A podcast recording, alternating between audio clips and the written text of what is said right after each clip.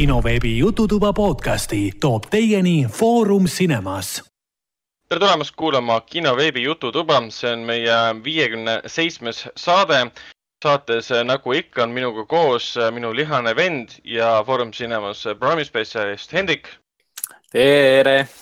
Ja kultuurikriitik ja, ja üldse suurepärane, suurepärane inimene ja mängur ja filmikriitik Vau, Vau, see oli intro, see oli intro. Thank you, thank you ja, ja, ja mina olen endiselt äh, kinoartis äh, programmi äh, spetsialist Ragnar endiselt on minu ja siis Hendriku aeg selline periood, kus meie, meie töökohad on kinni. ehk siis see on selline väga silmi avav ja hoopis teistsugune periood meie tööalalises elus. jep, ja, ja praegult Jah, on, jah, praegult on ka äh, ideaalne aeg kasutada oma töökoha kirjeldamisel alati veel olen asjade ees. jah, täpselt, jah, jah. või jätkuvalt. loodame, et asjad ei lähe hullemaks, aga noh, ma arvan, et me siin koroonast pikalt ei hakka rääkima puhtalt sellepärast, et sellest räägitakse absoluutselt igal pool.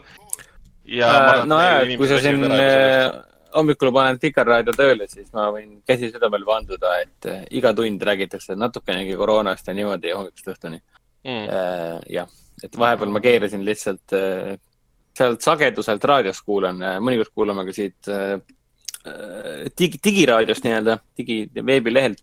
aga muidu on see, et kui sul koroona üle viskab, siis lükkad sinna järgmine sagedus on ju see Tallinna raadio, mis laseb džässi kogu aeg, maailmamuusika, maailma džässi nii-öelda.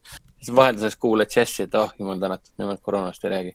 kusjuures sellega mul tuli peale üks huvitav asi meelde, et ma hakkasin nüüd, täna hommikul hakkasin vaatama Apple TV-d üle pika aja jälle, siis mõtlesin, et ma nüüd hakkan, nüüd on Final Fantasy nagu lanku, lahendatud, saan veits hingata ja Nii. hakkasin vaatama Apple TV-d, siis huvitav asi oli, ta soovitas mulle sellist asja nagu kinoveebi podcast. ohoh, tuli mul ju kohe vasakust üles nurka keset äh, seriaali, et äh, rec-, recommend, you should listen. seriaalide sees on nagu reklaamid ja soovitas äh, kinoveebi. ehk soovitas kuulata mul kinoveebi podcast'i, jah. ahsoo, see on võib-olla siis sellepärast, et kuna me mainime siin kogu aeg Apple TV-d või? ei, ma ei tea, mille järgi see käib, mul pole õrna aimugi, mille järgi see käib, aga täitsa sain peale minna ja täitsa avas kohe tuli lahti ja kõik meie saated, kõik on seal olemas, nii et tõepoolest äh, toimib see värk, see Apple podcast ja asjad, et teadlikult mina ei ole mingi Apple'i poole pöördunud sellega, et palun reklaamige meid. Äkki nad lihtsalt, lihtsalt, lihtsalt soovitavad content'i endale, mina ei tea, kuidas see süsteem toimib. et mida rohkem me sellest siin räägime oma, oma nutiseadmete lähedal, seda rohkem nad ju kuulevad ka, et me mainime kogu aeg. ma iga, igaks juhuks panen oma Androidi telefoni ka siia kõrvale ja ku-, et Google kuuleks Apple, Apple No. Apple, Apple. Äh, sest noh, ma ei tea, kas see on kokkusattumus või mitte, aga mul oli siin hiljuti samamoodi, et äh, ma olin nagu päev otsa ringi jalutanud, siis tulin koju, telefon käes, levasin diivanil ja siis telekast tuli see Felixi kassitoidu reklaam. see on see, et oi, see, ma ei tea, kas te olete näinud seda, et see mustvalge mu- animatsioon ja kõik see, et oi, Felix, mis sa teed, sina ei oska ju pakke pakkida, kas sa seda Felix mingi X asja süüa tahad ja nii edasi. See reklaam möödus ära, siis ma jätkasin brausimist äh, Facebookis, mitte brausimist või või noh, kuidas selle nühk, nühkimist äh, oma, oma nutitelefonis äh, Facebookis ja siis tulemus oli see, et äh, kohe tuli sponsored ad, sama Felixi reklaam, ma ütlesin, mida kuradi, et kuidas on võimalik, et see järsku niimoodi tuli. no Android kuulas, Google kuulas läbi mobiili sinu seda heli, mis sealt tuli, seal oli võtmesõnad. No täpselt, jah. ma ei, ma ei, aa, kusjuures, ma ei ole seda ise testinud kusjuures. kusjuures kõik need paranoikud ja värgid, ma soovitan vaadata seda Joe Rogani podcast'i, kus kohas ta räägib Edward Snowdeniga Mhm. Oh. L- väga-väga kõva saade on ja seal Snowden äh, nagu räägib ka sellest ja tal on üks terve see segment, kus ta räägib äh, smartphone'idest. ta selgitab väga nagu detailselt ära, kuidas see smartphone'ide süsteem toimib ja, ja millal nad, millal nad kuulevad, kuidas nad seda kuulevad ja kuidas see info liigub, see on äh, väga huvitav. mulle just meeldis seal saates kusjuures see, et Joe Rogan räägib, aga mitte midagi. et terve aeg Snowden mingi kaks tundi peale räägib, Snowden saab üksinda põhimõtteliselt rääkida mis on selles mõttes refreshing, sest Roganile meeldib kuulata iseennast rääkimas, siis seal siis ta lasi lõpuks Snowden rääkides, ka tema sai aru, et see on tema jaoks väga suur võimalus, et Snowden üldse oli nõus tegema seda kuskilt Venemaalt X kohast, on ju.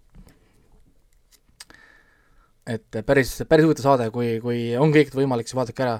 ma olen suur Rogani podcast'i üldiselt vaataja, ma tegelikult vaatan enamasti noh, olenevalt siis sellest äh, saatekülalisest, on ju. siis see Snowdeni oma ma vaatasin nagu reaalselt algusest lõpuni, nagu ma vaatasin ära siis Elon Musk'i oma ja seal veel mõned, mis ma, muidu ma skip in tead, otsin teatud teemasid, siis äh, noh, osadel puhul vaatad lihtsalt kõik ära.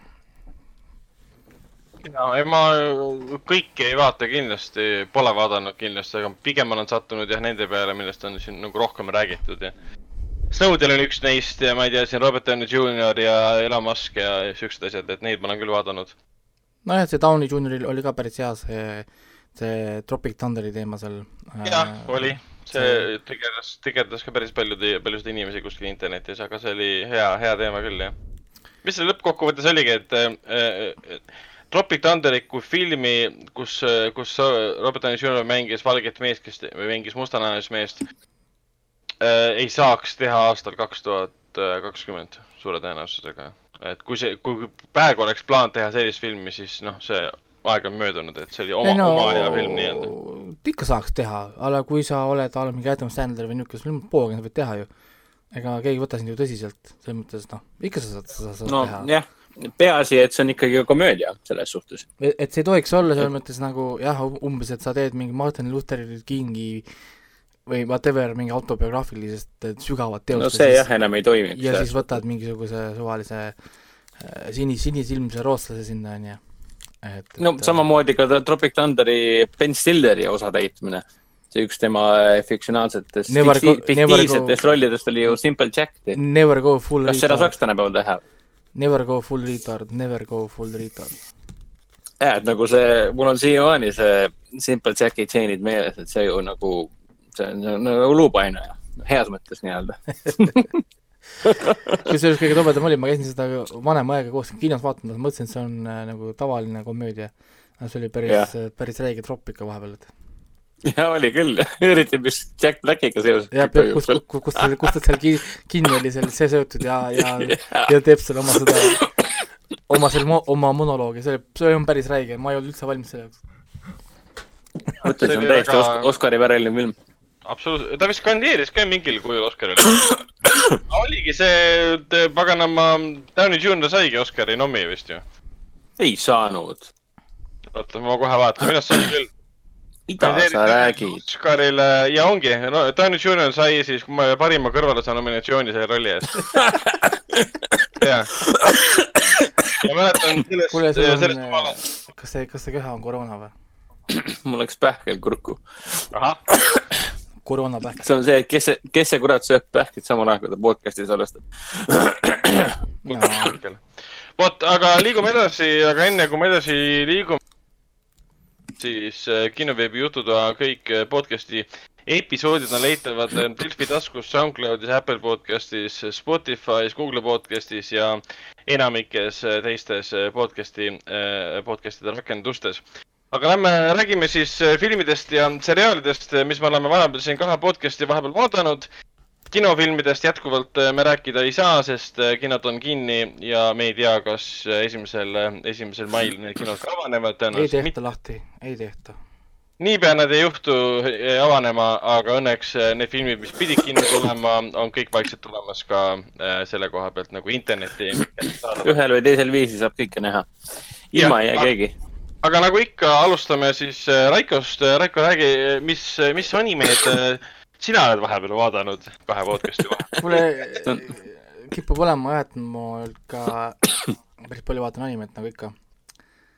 ma vaatasin lõpuni siis High Score Girl, ma eelmises saates rääkisin rohkem, kui keegi tahab teada, mis täpsemalt see High Score äh, Girl on, siis äh, kuulake eelmist saadet, seal ma räägin nagu täpsemalt, et ma vaatasin teise hooaja lõpuni, väga emotsionaalne, ma ütlen, ma olin ise ka väga liigutatud, soovitan ikka vaadata inimestele, kes pole vaadanud. eriti video, videomänguritele, kui sa pole, oled videomängur täna ja nimetad ennast anime fänniks, siis ma ei kujuta ette, mis vabandus sul on, et sa pole vaadanud High Score Girl'i, vaata. et, et see on tä- täiesti vabandamatu äh, praegusel hetkel, et äh, see muidugi läheb, läheb edasi äh,, Netflix juba kinnitas kolmanda ja ka neljanda hooaja High Score Girl'ile, see on väga populaarne. Nii et me õnneks saame seda vaadata veel väga pikka aega, mis mul on selle üle ainult, ainult hea meel. äh, noh, teine hooaeg siis liikus üheksakümnendate keskele vist oli või üheksakümmend kuus vist oli, kus see, kus see lõppes. ehk siis see sari algas vist kaheksakümmend üheksa vist või, nüüd on üheksakümmend kuus juba või?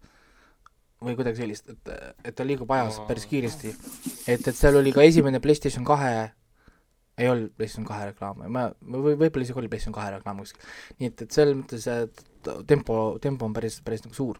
siis Tower of God, mainisin ka eelmine kord, on siis Crunchyrolli original, läheb edasi, endiselt kolm episoodi on väljas, mina tegin, mis ma ikka teen, võtsin äh, Webtooni lahti, lugesin selle asja lõpuni. ei, ma ei viitsinud oodata seda ühte episoodi nädalas süsteem, kurat, ma olen nii harjunud juba, et tahan, tahan, tahan kõike korraga saada. Võtsin siis, lugesin ära kõik kolm hooaega. nii et kui peaks tulema kolm hooaega sellest asjast, siis ma juba olen, olen kursis sündmustega, nii et ma rikkusin selle enda jaoks ära. ehk siis sa oled konstantselt sellises positsioonis, et sa alati vaatad, kas seriaal on, on parem või, või täiustab algmaterjali. sa, sa ei ole kunagi enam jäänud positsioonis, kus sa ei ole nagu algmaterjali lugenud no lõpuni. näed, High Score Girl ma pole lugenud, sest äh, mul on nii suur respekt seda sarja vastu, et ma suudan äh, mitte lugeda. Mhm. mm -hmm. High Score Girl on tegelikult full äh, asi väljas, kui sa tahad, sa võid, võid lugeda, neli üheksakümmend üheksa maksab terve, terve asi ja noh, ma olen mõelnud selle peale, aga ma, noh, mulle nii meeldib see sari ja ma pigem ootan aasta aega, kui äh, loen ära. siis Tower of God'i puhul ma ei viitsinud oodata, nagu see esimesed episoodid tõmbasid mind nii sisse, et ma ikkagist noh, tek-, tekkis huvi.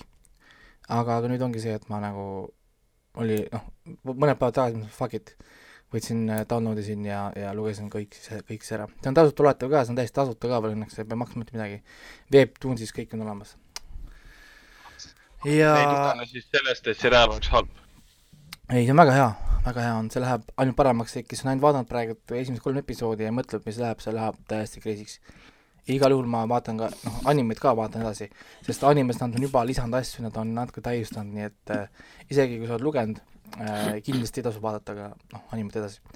siis eile, eile kusjuures hakkasin vaatama, eile õhtul äh, kella umbes kella kaheteist, kaheteist ajal, kui mul oli igav, hakkasin vaatama siis äh, Prime'i seda Tales from the Loop. rääkisime Aa. ka, rääkisime ka vaata eelmine kord sellest ja just su- suutsin ära vaadata kolm episoodi. nüüd ma olen siin natuke targem, et äh, see on, ta on küll nagu antoloogia, et iga episood on nagu uus äh, story. kuid see uus story kasutab siiski nagu samas linnas elavaid inimesi. Ehk siis see loop äh, on siis äh, eksperimentaalfüüsika äh, hoone, mis asub maa all, kuskil Ohio linnas oli siis äh, te-, aeg on umbes seitsmekümnendate lõpp, kaheksakümnendate algus, circa, need ei maini kordagi aega. aga ma pakun autode ja tehn-, tehnoloogia järgi umbes, umbes see aeg. ja, ja siis eksperimentaalfüüsika, selle all tehakse igasuguseid asju, millest me ei tea mitte midagi. aga need on kõik väga nagu hush-hush, väga secret ja siis äh, igas episoodis siis midagi juhtub ühes linnas elava inimesega.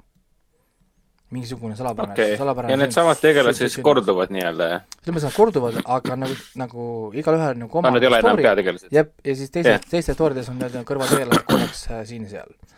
näiteks esimeses episoodis äh, on äh, väike time travel story, kus kohas üks väike tüdruk kogemata leiab ennast tulevikust, kohtub iseendaga, iseenda tulevikuversiooniga äh,. oi ei, spoiler. see ei ole spoiler, see on põhimõtteliselt, kui sa loed seda episoodi sünopsist, seal on, seal on väga täpselt sama, sama asi kirjas. siis teine episood on, kus kaks poissi vahetavad äh, ära nagu noh, need kehad. ühe leiavad, leiavad metsast ühe masina. omavahel vahetavad ja ot- ot- otsustavad, et nad jätavad ennast üheks päevaks, et proovida siis üksteise elu. Ja kusjuures äh, üks asi, mida ma ütlen Tales from the Loop kohta, et see on äärmiselt tume see on väga-väga tume Aa., mulle reeglina meeldib, kuidas see on esiteks lavastatud, ma olen väga suur, ütleme, selle fänn, kuidas see on äh, nagu lavastatud, aga see on hullult, hullult tume on see. ehk siis need lood ei lähe üldse nii, nii, nii nagu sa arvad. ja, ja siis kolmas episood on väga sügav, väga deep äh, episood siis elule. noh, lihtsalt vaadataksegi nagu elule ja kui kiiresti elu tegelikult võib minna ähm,. et selles mõttes, et, et see ei ole puhas sci-fi, ei ole, see ei ole puhas sci-fi, vaid ta on niisugune väga palju kunstilist, kunstilist asja on ka sinna pandud ja see viis, kuidas seda on lavastatud, ma olen väga suur fänn. nii et järgmises saateks ma olen kõik ära vaadanud sada protsenti. no ma üldse ei imesta, sest selle seriaali taga on nagu nii suured äh, nii-öelda need äh, geniaalsed inimesed, režissöör Mark Romanek näiteks. Siin on Andrew Stanton lavastas neljanda episoodi, näiteks Ty West lavastas siis seitsmenda episoodi, Jodie Foster lavastas kaheksanda episoodi.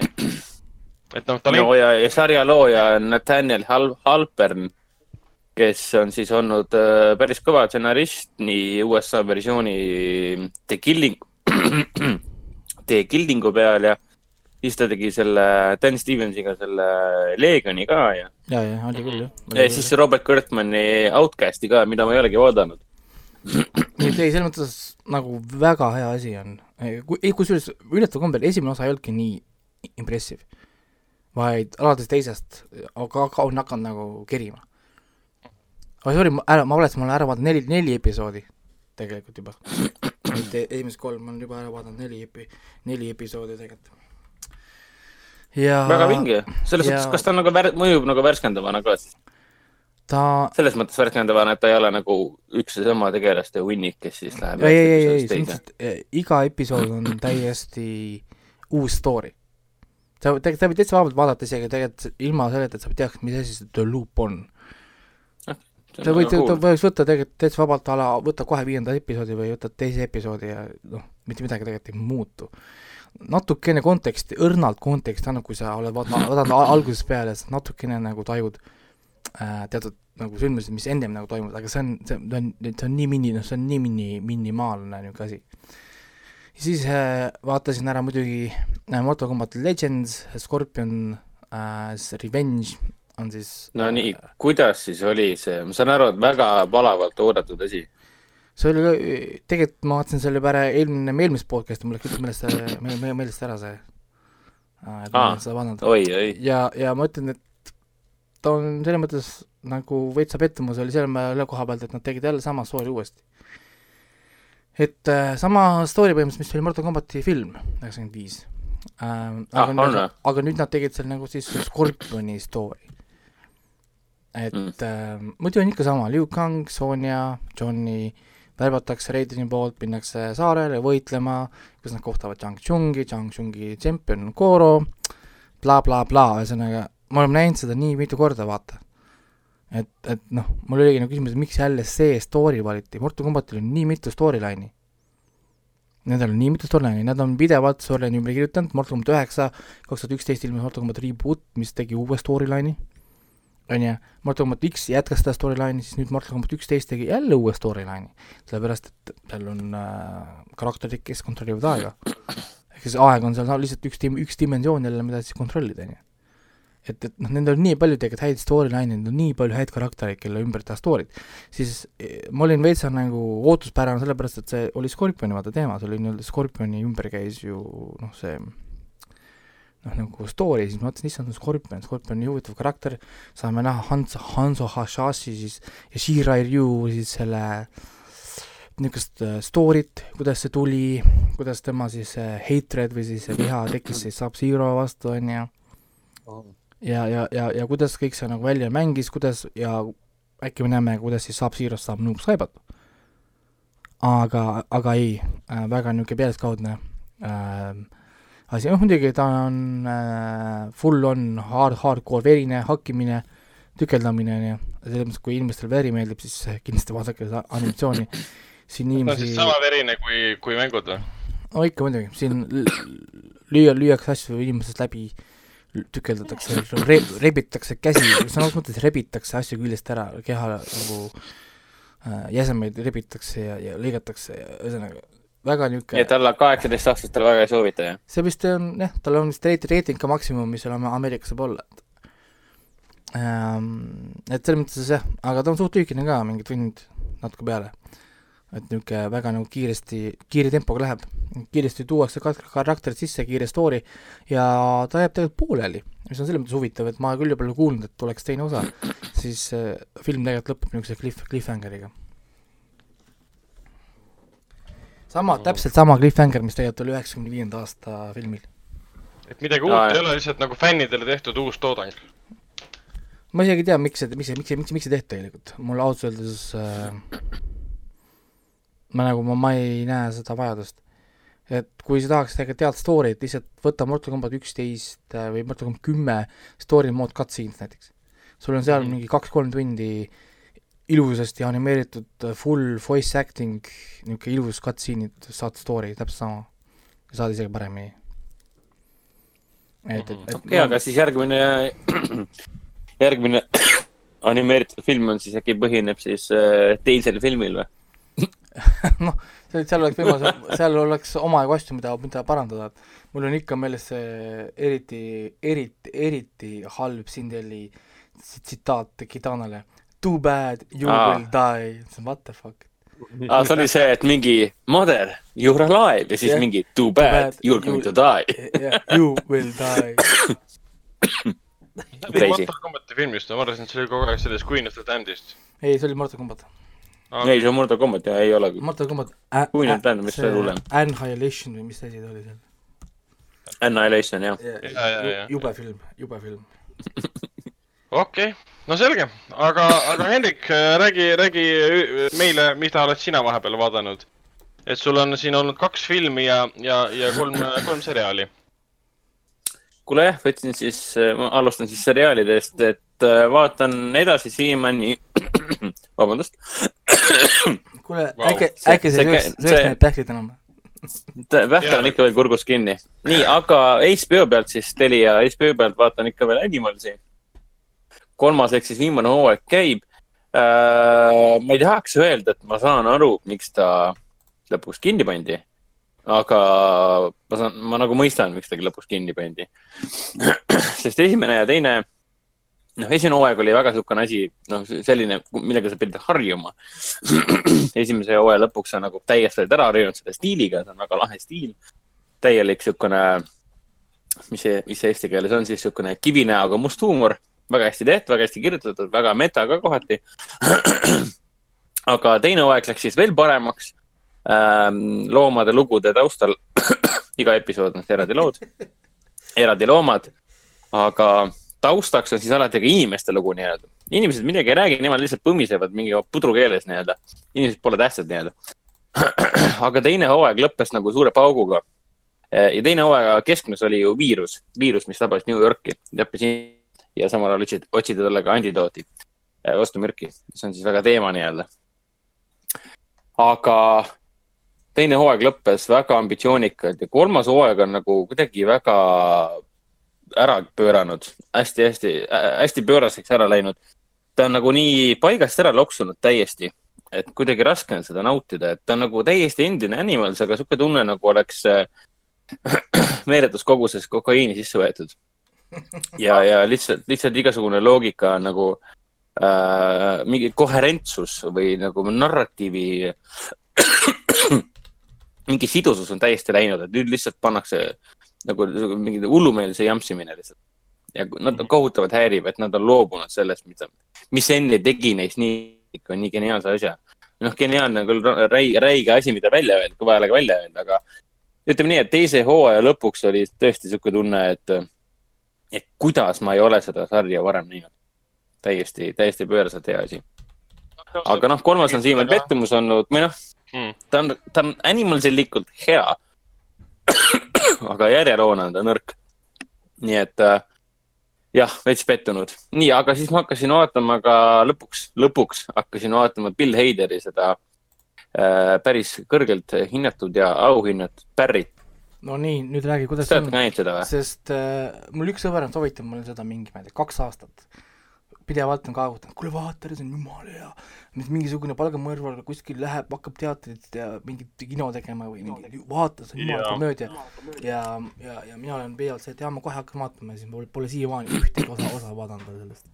Mm -hmm, mm -hmm. aga Ragnar, sina nägid vist seda või?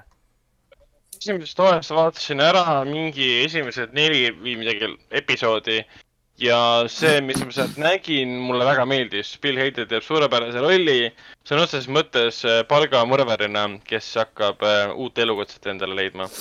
aga samal ajal ta ei saa vana, vanast elukutsest otseselt loobuda, et ta on niisugune süsimust huumor, samas ka tõsine draama ja selline, kuidas nüüd öelda, eluterve suhtumine. olgugi, et sul on sellised äärmused sinna sisse pandud. ta on väga äh, tore, seriaal. ta nagu, no sihuke samamoodi jälle niisugune kivinäoga must huumor ja kõik see. aga see kontrast selle palgamõrtsuka ja, ja nii-öelda ta leiab siis enda jaoks näitleja elukutse. tahab proovida siis näitle-, näitlemist. mina olen ainult pilooti näinud. piloot mulle meeldis. ta kestab ainult pool tundi, üks episood. ja ma olin veidi üllatunud, et ta nii vähe kestab. sest lugu justkui otseselt ei saanudki äh, korralikku lõppu. kui te saate aru, mis ma mõtlen. et see pool tundi mulle tundus, et see on ilmselgelt vähe, et see võiks olla vabalt nelikümmend viis, et ikkagi mingisugune mahlakas lõpp ka sinna juurde treida. aga noh, ma mõistan, et selliseid draamaseriaale on ikka palju tehtud, ta on pigem ikkagi draamaseriaal kui komöödiaseriaal. noh, humoorikas draama võib ka nii öelda. riskantne seriaal ka selles mõttes, et sa võtad komöödianäitleja palgamõrvarit mängima, et ma ei usu, et nad väga isegi kaalusid seda, et teeks tunnised või neljakümne viie minutised episoodid. jah, see on, see on ka võib-olla tõenäosus, aga samas Bill Hader on piisavalt tuntud näitleja ja ta on nüüd nii palju auhindu võitnud, see. ta on ju kuldsele Glo- gloobusele kuus korda nomineeritud, see seriaal. nii et noh, see näitab nii mõndagi. Aga Bill Hader- jah, täpselt ja Bill Hader sobib siia väga hästi, selles mõttes ta, ta on ju komöödianäitleja, ta on, ta on ja tal on niisugune imelik niisugune jopakolja nägu nii-öelda. Ehk siis noh, selles mõttes jopakolja nägu, et äh, kui sa kaugelt näed teda autos istumas, siis automaatselt mõtled, et kuule, see on mingi s- sarimõrtsukas vist või siis ta on rä- räme koomik, komöödianäitleja või stand-up ja, aga mitte palgamõrtsukas, ta ei näe välja nagu palgamõrtsukas. ehk siis see teeb temast nagu perfektse palgamõrtsukas, sest keegi ei arva, et ta on palgamõrtsukas. Mhm. aga noh, draamaseriaalina pingestatuna on ta nagu päris tore, et kaks maailma pannakse kokku, et Bill Hader kannab seda hästi, et ma kindlasti vaatan edasi. Et ma olen ka lõpuks õnnelik, et ma, et ma lõppude lõpuks võtsin selle kätte. nüüd siis koroona karantiini ajal.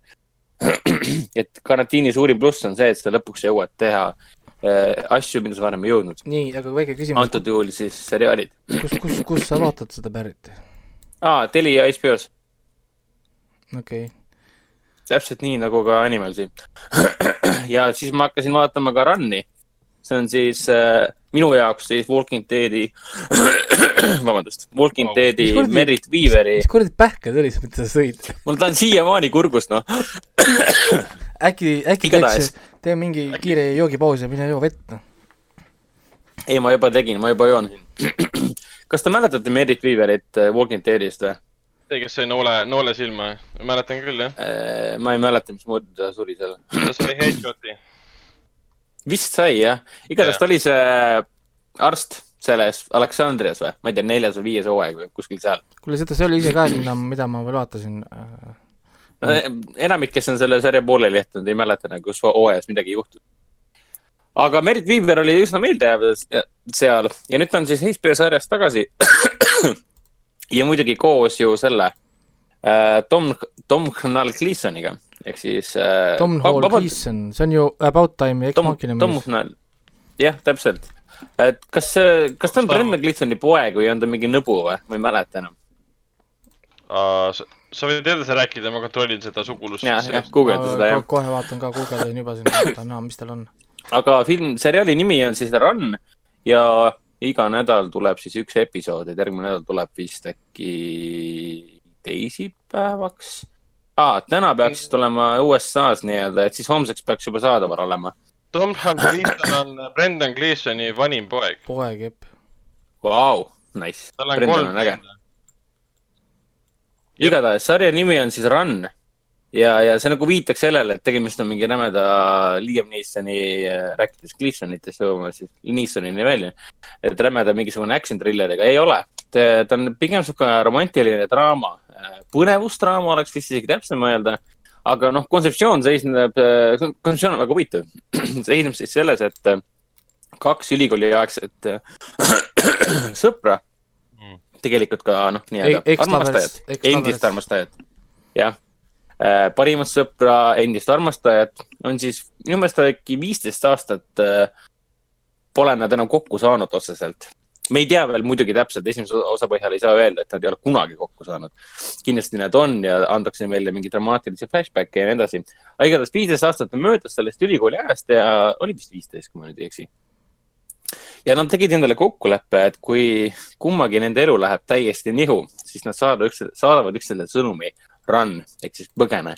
ja kui üks neist vastab, siis nad saavad kokku, kokku lepitud ajal ja kohas rongi peal. ja, ja seekord siis läkski niimoodi, et üks äh, Cleveson siis saadab Merit Weaveri tegelasele sõnumi jookse, põgene, run ja, ja Merit Weaveri tegelaskuju on täpselt sellises seisundis oma elus, et ta vastab sellele, kirjutab vastu, run. ja saavadki rongis kokku ja sealt läheb siis lugu käima, saame teada, kes nad tegelikult on oma, iseenda jaoks nii-öelda, mis on nende suhe. saab ka väikseid äh, vihjeid, mille eest nad põgenevad, aga mitte just väga palju infot ei saa.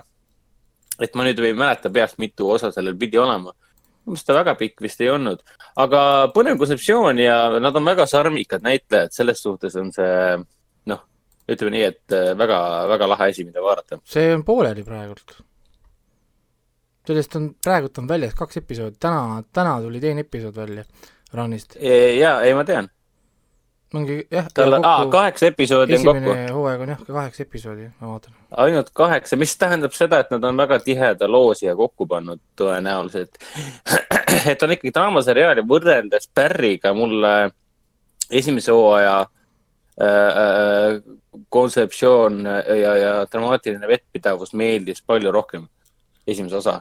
Selles mõttes, et äh, väga korralikult nähti vaeva tegelastega ja, ja väga korralikult nähti vaeva ka sellega, et mis on nagu dramaatiliselt põnev publikul vaadata. näiteks Barry puhul oli see, kui episood läbi sai, siis tekkis sihuke tunne, et aa, juba läbi. ja ma vaatan kusjuures, et selle jäi loo, et selle looja on ka Fleabagi looja. ja äh,, Phoebe, mis ta oli, Phoebe Bridge Wallace, kurat, ma ei mäleta tema nime. Phoebe, Phoebe Waller-Bridge. jah, täpselt ja sarja looja üks on ka Vicky Jones. Vicky Jones on see, kes tegi Londoni Rahvusteatri jaoks ka Fleabagi teatrietendused koos Phoebe'ga. ja ta on ka Killing Eve'i looja, mis On, on, ka jah. väga tuntud ja väga hinnatud seriaal. ta on teinud tegelikult, üldse ma vaatan siin National Theatre Live'il, aga muid asju siin teinud, et ja, et nad on noh, teatri, mis puudutab äh, äh, Bridges, oli Waller Bridges, Bridge või? või Bridges? ta on Bri- Bridges Waller, ei Waller-Bridge, jah, Phoebe Waller, Waller Waller-Bridge. Bridge. Phoebe ja Vicky on äh, väga-väga tunnustatud selles mõttes nii teatrilaval kui ka, ka äh, tele, teleekraanil selles suhtes, et üks, ühed tunnustavamad Briti tegijad, nais, naistegijad isegi võib öelda nii, üldse. Nii et mõni ime, et sellest run'ist hakati juba päris varakult päris palju rääkima. ma loen praegu Mis? neid Run'i review, review sid siin. issand, kuidas inimesed teevad maha seda millegipärast. Run in the opposite direction, meh, absolute rubbish, ah, just okei okay.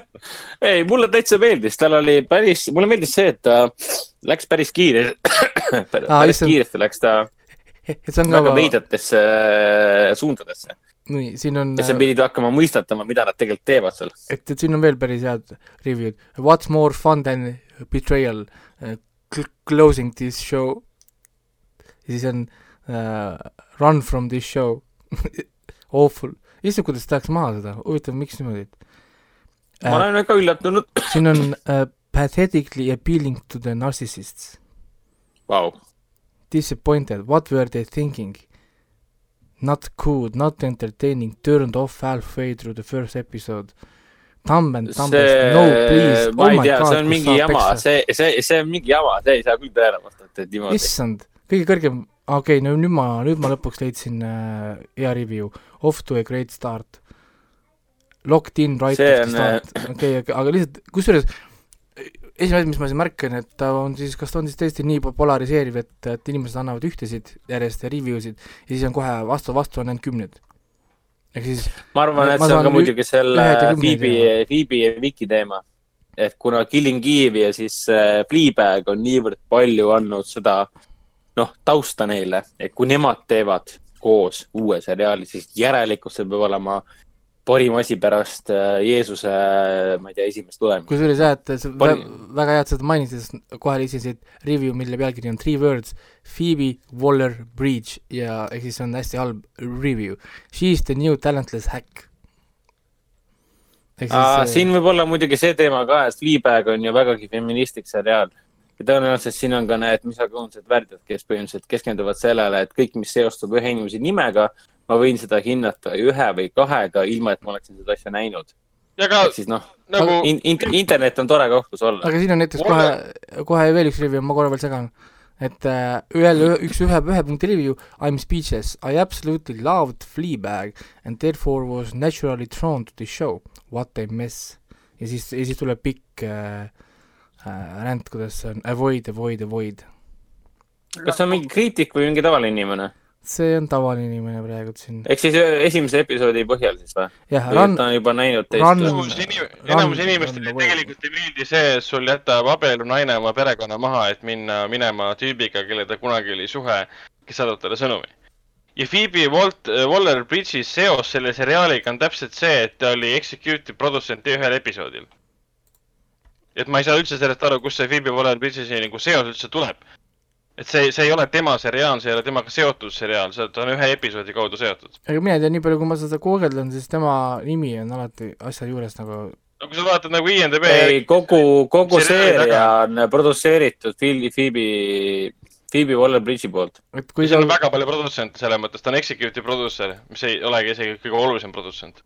no see ei tähenda midagi.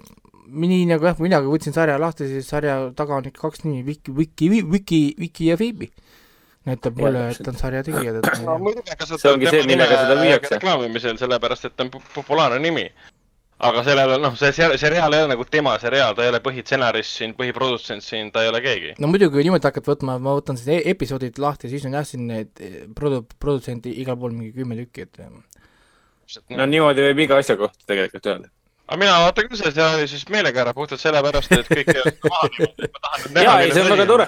ja mul on, mul on nagu see ka, et mulle, mulle esimene osa, mulle piloot väga meeldis tegelikult, ta oli üllatavalt, noh, väga üllatavalt dramaatilised arengud olid seal, umbes ükskord oli, kaks korda oli sellised momendid, kus ma pidin korraks mõtlema hakkama, et mida päriselt ta teeb seda praegu seal, okei okay,, huvitav. et ta pole niisugune sinu, sinu vanaema draamaseriaal nii-öelda. nii, aga okei, no nii nii., võta järgmine asi, ma tegelikult leidsin siin ühe kriitiku review terve esimese hooaja kohta, kes on näinud, vaata juba Aa, jah, full jah, full kõigi- season ja siin ma sain päris Nii. palju ta- targemaks tegelikult. aga vahepeal oli vaja vaadata siis ka nii-öelda häid õudusfilme ja, ja kus mujalt äh, vaadata, kui vaadata häid, kui vaadata häid õudusfilme, siis kuhu mujale pöörduda, kui mitte itaallaste juurde. ja, ja vaatasin siis, tegelikult vend vaatas ka, Ragnar vaatas ka, Jaa. filmi nagu City of the Living Dead, mille režissööriks on täiesti äh, legendaarne äh,, kultuslik äh,, geniaalne ja surematu, mitte, mitte küll kehas, aga kindlasti vaimus ja hinges äh,, Lucio Fulci. ehk siis tema on see mees, kes tegi ju omal ajal siukse filmi nagu Zombi kaks, mis on tõenäoliselt kõige tuntumaid äh, Itaalia zombifilme, mis kunagi tehtud. on ju, Ragnar? jah, no selle nimi on tegelikult zombi, lihtsalt Itaalia turundaja, turustaja reklaamisid seda filmi Of the Dead'i, George A Romero of the Dead'i järjena. jah, täpselt, So- et see oli omal ajal oli see Itaalias oli see suur teema. kui, kui üldistame niimoodi, et, et kui oli mingi tuntud Ameerika asi, siis äh, võeti kätte ja pandi häbitult lausa lihtsalt sarnane pealkiri, et inimesed kinno tuleksid ja vaataksid seda. mis on päris tegelikult, et miks mitte. Romero siis of the Dead'i Itaalia pealkiri oli zombi. Ja siis, kui Jah. tegi oma zombifilmi, pandi nimeks Ful- äh, Zo- Zombi kaks. mis on ja siis tänase päevani inimesed teavad Fulci legendaarset zombifilmi kui Zombi kahte, mis on täiesti, täiesti perversne, olgem ausad. Fulci tegi Aga- muidugi zombi, zombi kolme tegi ka. jah, ja, ja City of the Living Dead on üks tema kuulsamaid filme. mulle film tegelikult ju otseselt sisuliselt väga ei istunud, sest ta oli kuidagi väga pilla-palla laiali. Mind kohutavalt häiris, et ta kuidagi äh, noh, ma ei tea, reeglid polnud justkui paigas, et ta on justkui zombifilm ja City of the Living Dead on siis zombifilm. ta on väga fultsi ehk siis äh, muusika ja, ja värvi, värviskeem, valgusskeemid on lihtsalt nii geniaalsed. vapustavad noh, lausa. ta on ta väga Dario Argento moodi, et vend räägib pärast äh, Dario Argento filmist nimega Fenomena. Et see Fenomena on äh, venna kirjelduste järgi märgatavalt parem kui äh, City of the Living Dead, aga sellest sõltumata on Pulsi ikkagi täiesti no selline režissöör, kelle filme tasubki vaadata puhtalt sellepärast, et hinnata, mida tähendab olla režissöör, mida režissöör tegelikult kinoekraanile toob. aga film, ta oli sisuliselt väga veider, et küll räägitakse sulle, et oh, preester teeb enesetapu ja siis tuleb põrgu maa peale. Aga siis pool filmi ei saa üldse enam aru, et äh, kus see, kus see preester tegelikult on ja, ja mis temaga juhtus ja, ja miks ta mingi põrgu maa peale toob. et kõik on nii villapalla laiali. zombid on zombid või miks zombid teleporteeruvad, miks zombid on kohati nagu vaimud või kummitused, mis, mis Jah, on kohati et see- nagu allegoorilised samas- isiklikult teemonid, miks, miks see film ei ole lihtsalt zombifilm? aga samas, samas aga filmi teises pooles oli see jumala okei okay tegelikult nagu mm. selles mõttes, et ei peagi olema konkreetsete reeglitega, see on ju, mis ta oli nüüd, kaheksakümne viienda aasta film, kui ma nüüd ei eksi, kaheksakümnenda aasta film. et see on tegelikult jumala okei okay,, et sul ei ole nagu need tänapäevased zombireeglid paigas, et igal zombifilmil on omad reeglid ja mõni, mõned panevad sama reeglid ühte patta ja siis mõned aretavad uued reeglid. siin on see, et äh, Fulci jaoks olid zombid, vähemalt selle filmi järgi olid zombid ikkagi midagi sellist teemonlikku, saatanlikku äh,, midagi sellist, mis mida tuleb ikka kõikide pühakute ööl välja ja nii edasi, et ikkagi, ikkagi äh, saatan pluss teemonid pluss, pluss kurjad hinged, et see oli nagu teema ja see on zombi, mis on tegelikult jumala äge, see meenutab seda neid igasuguseid voodoo äh, õudusfilme ja, ja et ikkagi, et põhiteema pole see, et on lihtsalt elav, elav surnu äh,, lihtsalt elutu, ajutu, arutu tüüp või, või naine, kes tšikk või ronib ringi ja karjub. ei, siin on ikka teistmoodi, et õudust tekitatakse ikka sellega, et, et, et ütleme nii, et preester teeb enesetappu ja see tekitab põrgu, et see on niisugune pühaduse teotamine. see on väga cool film, aga, aga noh, ütleme nii, et sisuliselt jättis soovida. on ju, Ragnar? see ongi erinevad, erinevad põhjused, räägitakse, et siin produtsendid lõikasid filmi ümber täiesti nagu zombifilmiks. aga mm, Fulci tahtis teha siis sellist kummitusfilmi ehk siis mõlemad elemendid jäid sisse, mistõttu ongi kogu selle loo nagu narratiivne liikumine täiesti nonsense kohati ja raske aru saada. Aga huvitav on ka see, et see film äh, kaudselt põhineb siis äh, Lovecrafti sellel lool äh, Dunwich õudust ja Dunwich horror, kuna Fulci seda ja, sest see luges. preester ju tegi enesetapu Dunwichi linnas. ja täpselt ja, ja kuna Fulci luges seda Lovecrafti lugu enne, kui ta hakkas stsenaariumi kirjutama, siis ta tahtis nagu tabada filmiga Lovecrafti stiilis ähm, atmosfääri, sellist õudust ja see suudeti väga hästi tabada. sest jällegi Fulci on täiesti vapustav režissöör, see, kuidas tema kaamera liigub, see, kuidas on kõik kaadrid valgustatud, helindatud, see on lihtsalt nagu sa vaatad ja mõtled, kuidas on võimalik, et üks inimene suudab sellise kaadrit välja mõelda ja jätta mulje, et see tuleb tal nii lihtsalt. ja siin on jah. praegu ka ma, ma siin taustal loen seda siin, et äh, kui, kas siin, kas siin äh, filmis zombid teleportisid või? põhimõtteliselt jah, nad olid pilla-palla laiali ja tulid sinna, tulid mängu siis, kui oli vaja, et nad tuleks. et äh, siin on terve pikk äh, artikkel, kuidas Fulci saavutas siis sellise teleportimise efekti. oot-oot-oot, et, et see on, äh, äh, et siin on päris, ei see on kiitev artikkel, kuidas nagu kaameratrikkidega ja visuaalside ja igasuguste muude jaa, asjadega siis et- saavutada siis see efekt, et zombid telepordivad. seal on ka telekineetiliste võimetega zombid, kes vaatavad, zombi tähendab, kes vaatab ühele neiule otsa ja, ja siis sõna otseses mõttes neiul hakkavad silmast, silmades verd jooksma ja naine siis oksendab kogu oma sisikonna suu kaudu välja. ja ja üles- seda ei tasu unustada, et Fulci filmid on ikkagi, eriti just selle City of the Living Deadi puhul, nad on ikka ekstreemselt rõvedad, see on ikka Jah. ekstreemne body horror, mis siin tegelikult toimub. Ähm, et ei tasu unustada, et see on puhas grotesksus seal on sõna otseses mõttes zombi haarab inimese peas kinni ja ja tõmbab ajud välja. et kolp läheb nagu muljub tükkideks ja tõmbab aju välja. Mortal Combat et meil endal iga kohati, et täielik Mortal Combat, et ja siis samal ajal on niisugune, niisugune kõikuv ja kajav ja niisugune võimas soundtrack taust. ja siis mingisugune roosakas valgus ka sinna peale pandud, niisugune hallikas roosakas, veider valgus, mis vahetub ka veel. et see kõik on niisugune skisofreeniline ja samas selline, selline eh, noh, imekaunis võib isegi niimoodi öelda. et kusjuures Et äh, noh. siin vaatan, et on päris palju on räägitud sellest filmist, siin räägitakse veel ühest konkreetsest stseenist, kus kohas aken avaneb ja siis lendab palju äh, neid maggots, mis on eesti keeles maggots? aa, need eh, vaglad jah, vaglad ja vaat, ja et see filmiti äh, kahe tuulemasina ja kümne kilo päris äh, vagladega siis. jah, ja seda oli väga selgelt näha ka, et need näitlejad olid päris häiritud sellest, kuidas nad tõmbasid oma juustest ja näo pealt ja igalt poolt, et osa vist oli näha, et oli kleebitud nende võskede külge lausa, et need jääksid sinna külge. et see oli päris rõve vaatepilt ja kogu tuba oli paksud vaklasid täis, vaklu täis, mis kõik liikusid ka seal. huvitav, selle filmis räägitakse päris palju ja just niisugune tehniline pool on nagu selline ja, ja, sest Fulci oligi väga tehniline režissöör ja ta oli noh, pioneer mingis mõttes. või no mitte mingis mõttes, vaid ta oligi tegelikult, mis puudutab žanrikino, siis ta oligi puhas pioneer, pioneer. Kõik tema zombi kahed, kahed ja kolmed ja, ja tema see põrguväravate tri triloogia. issand, see filmiti kolmekümne kaheksa kraadises kuumuses, terve see film. seda küll näha polnud oh,. vot, aga Hendrik, sa oled midagi väga ilusat ja südant, südant, südameid puudutavat ka vaadanud vahelduseks. jah, ma võtsin kätte, vaatasin äh, väga kuulsa Hollywoodi režissööri Nora Ephroni kõige viimast filmi, mida ta jõudis teha enne seda, kui ta meie hulgast lahkus. Nora Ephron on siis see naisterahvas, kes lavastas sellised filmid nagu When Harry Met Sally äh,, Sleepless in Seattle, Bewitched muidugi ja siis Mail. ka täiesti You Got Mail ka. ja, ja Julie, Julie on siis see film, kus äh, olid peaosas, on peaosas äh, Mary Streep ja loomulikult äh, imearmas Amy Adams. muidugi Stanley Tassi ja Chris Messina ka. Chris Messina ei pruugi kõigile midagi öelda, aga sellest kas Raiko ütles praegu fuh või? kui sa ütlesid, kelle kohta sa puhkud siis? Meelis Triips, ma, jah, puh, tead, mul on, mul on, mul on alguses oli sama asi, aga mul on äh, aja jooksul nüüd viimaste, viimastel aastatel, kui ma nüüd kinos olen töötanud, mulle Meelis Triip väga, väga meeldib hakanud. ja Julia, Julia oli minu arust ka täi- täiesti random film, ma olen teda varem näinud muidugi, vend on ka näinud minu meelest ei mäleta absoluutselt. kunagi, kunagi ammu äkki sinuga, aga täpselt, täpselt, täpselt, vot see ongi Et- et Meelis Triipi mina- point, ei mäleta absoluutselt.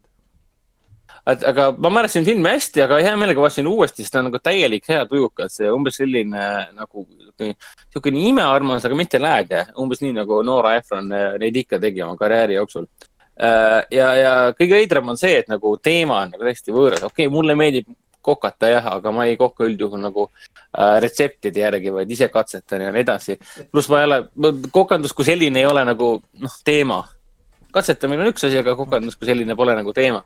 aga siin on kaks kirglikku kokkajat, ja see üks, kogu filmi mõte seisneb selles, et äh, me näeme Julia Childi ehk siis maailmakuulsa Ameerika koka äh, tuhande üheksasaja viiekümnendate elu ja siis me näeme ühe äh, koka, kokast blogija, blogi sündi äh, ja selle loomist, kirjutamist kahe tuhande teisel aastal.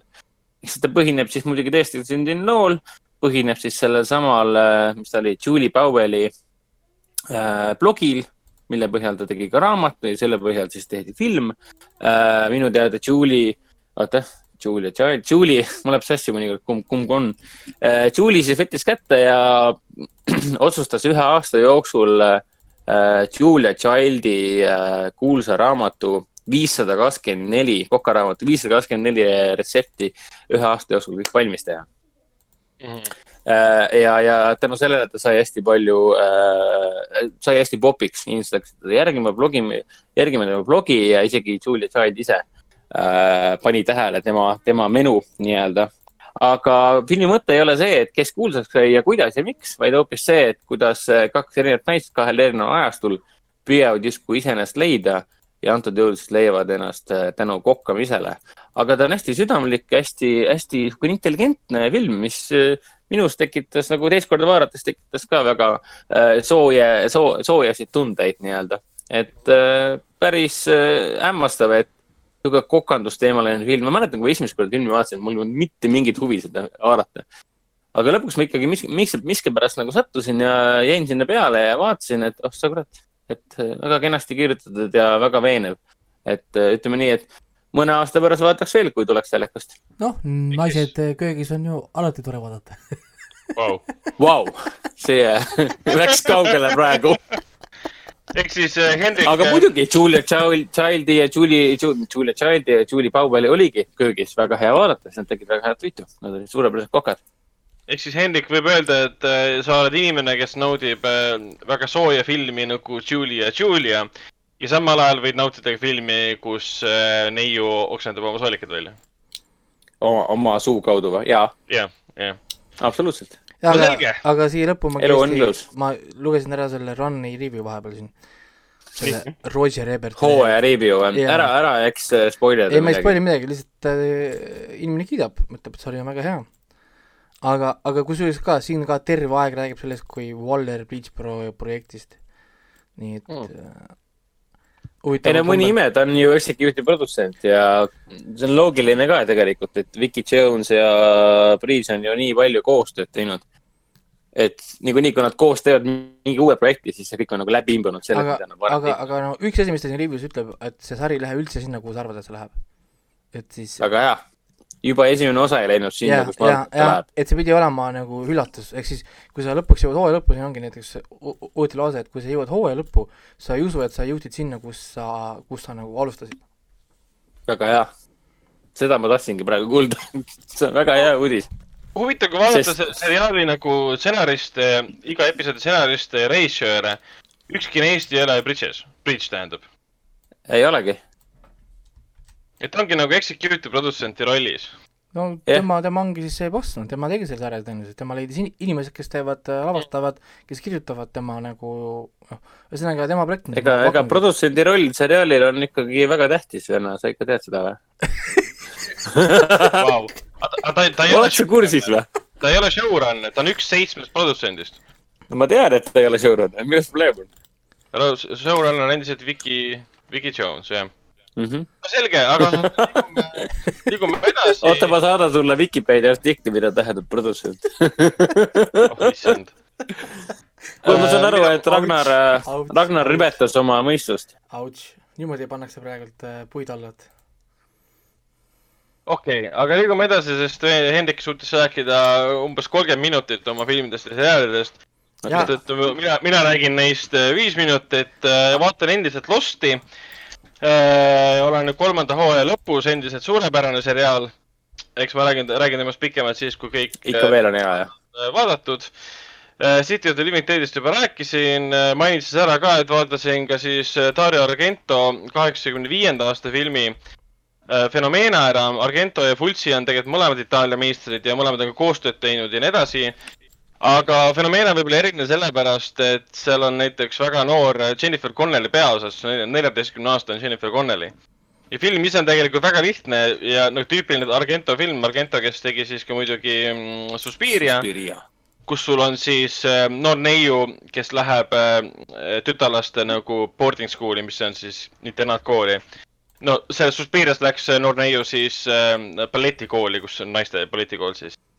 Ja siin läheb ka sinna kooli ja kohe, kui ta sinna jõuab, selgub, et äh, selles Šveitsi külas, kus see kõik toimub, väga mägede vahel, küla, küla vahel siis äh, liigub ringi mõrvar, kes tapab just noori naisi ja siis sellel, sellel peategelasel tekib nagu mingi seos selle mõrvariga, et ta nagu hakkab taipama, et see mõrvar leiutab ka teda, kus muu, muuhulgas. pluss see film läheb väga-väga absurdseks, et see ei ole mingisugune, kuidas nüüd öelda. ta ei ole, ta ei ole slasher, ta ei ole mõrvamüsteerium. Ta on täiesti nagu, kohati ta muutub nagu rokk-ooperiks, sest sõna otseses mõttes, kui, kui sa vaatad Hollywoodi filmi, kus näiteks mõni inimene, peategelane majas kinni, kus on killer ja üritab sealt põgeneda mis muusikat sa sinna taustale paned, sa paned sinna tavapärase suspenseful muusika. kõige klassikalisem asi, mis üldse maailmas olemas. aga mida paneb Argento? Argento paneb lihtsalt äh, Iron Maideni pala taustale. ja sa, ja see on aastast kaheksakümmend viis ja sa vaatad seda ja sa mõtled, et see on geniaalne. see lihtsalt sobib, see on lihtsalt geniaalne lugu siia. ja seal on väga palju selliseid momente, see on kaks korda kasutatud, see Iron Maideni lugu. muidu on filmil. sama lugu või? ei, sama lugu jah, aga mis oli Okei. okay. mingi äh, Steel of the Beast või midagi laadset, Iron Maideni lugude pealkirjad lähevad mul kõik segamini.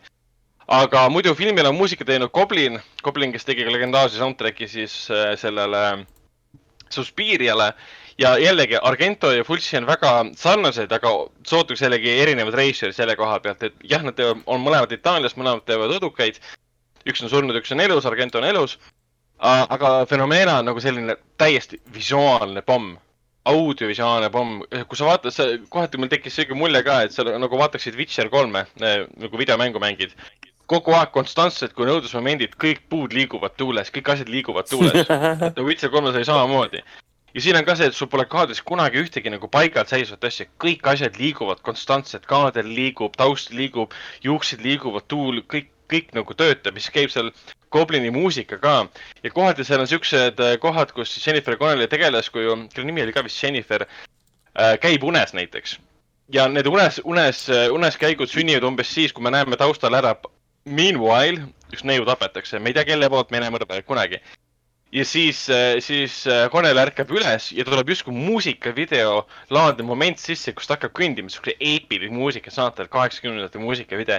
vabalt võiks olla mingi Eurythmics näiteks. ja see on lihtsalt nii pöörane, mida sa ei oota elu sees õudusfilmilt, aga see ongi Dario Argento õudusfilm, see ei ole Hollywoodi õudusfilm, see õudusfilm, see on tema õudusfilm. ja selle koha pealt soovitan kindlasti üles otsida selle versiooni, mis on äh, see kõige pikem variant, natuke üle kahe tunni pikk, oli vist kaks tundi üks minut, aga see on siis see versioon, mis on, see on Amazon Prime'i, Prime'is ka olemas.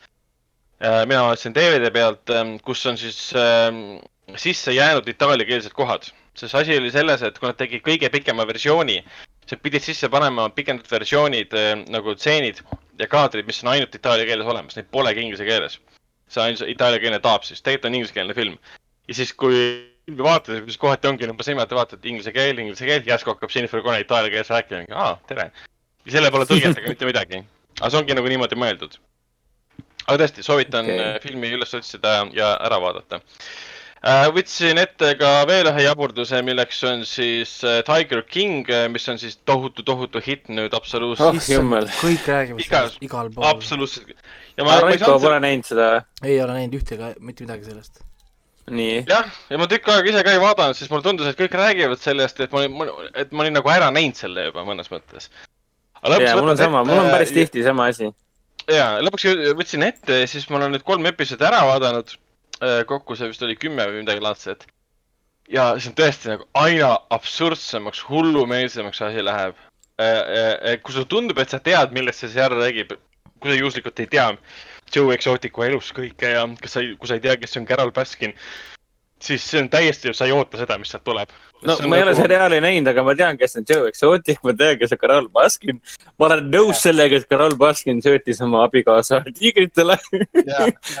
ma olen nõus sellega, et Donald Trump peaks hakkama siis äh, Joe Exoticut äh, vanglast vabaks saama, ta teenib praegu seal, mitte teenib, vaid ta äh, tal on kakskümmend viis aastat vist, istub vanglas veel, et noh, räägitakse, et Brad Pitt võiks mängida Joe Exoticut siis filmis, et no jah, aga seriaal ise põhimõtteliselt algab sellest, et ta räägib meile ära, kes on Joe Exotic, kuna tal seal on see mm, elusloomade selline show loomaaed, kus kutsutakse inimesi, inimesed saavad siis maksta kuussada dollarit ja siis loomadega pilti teha ja kutsikatele pai teha.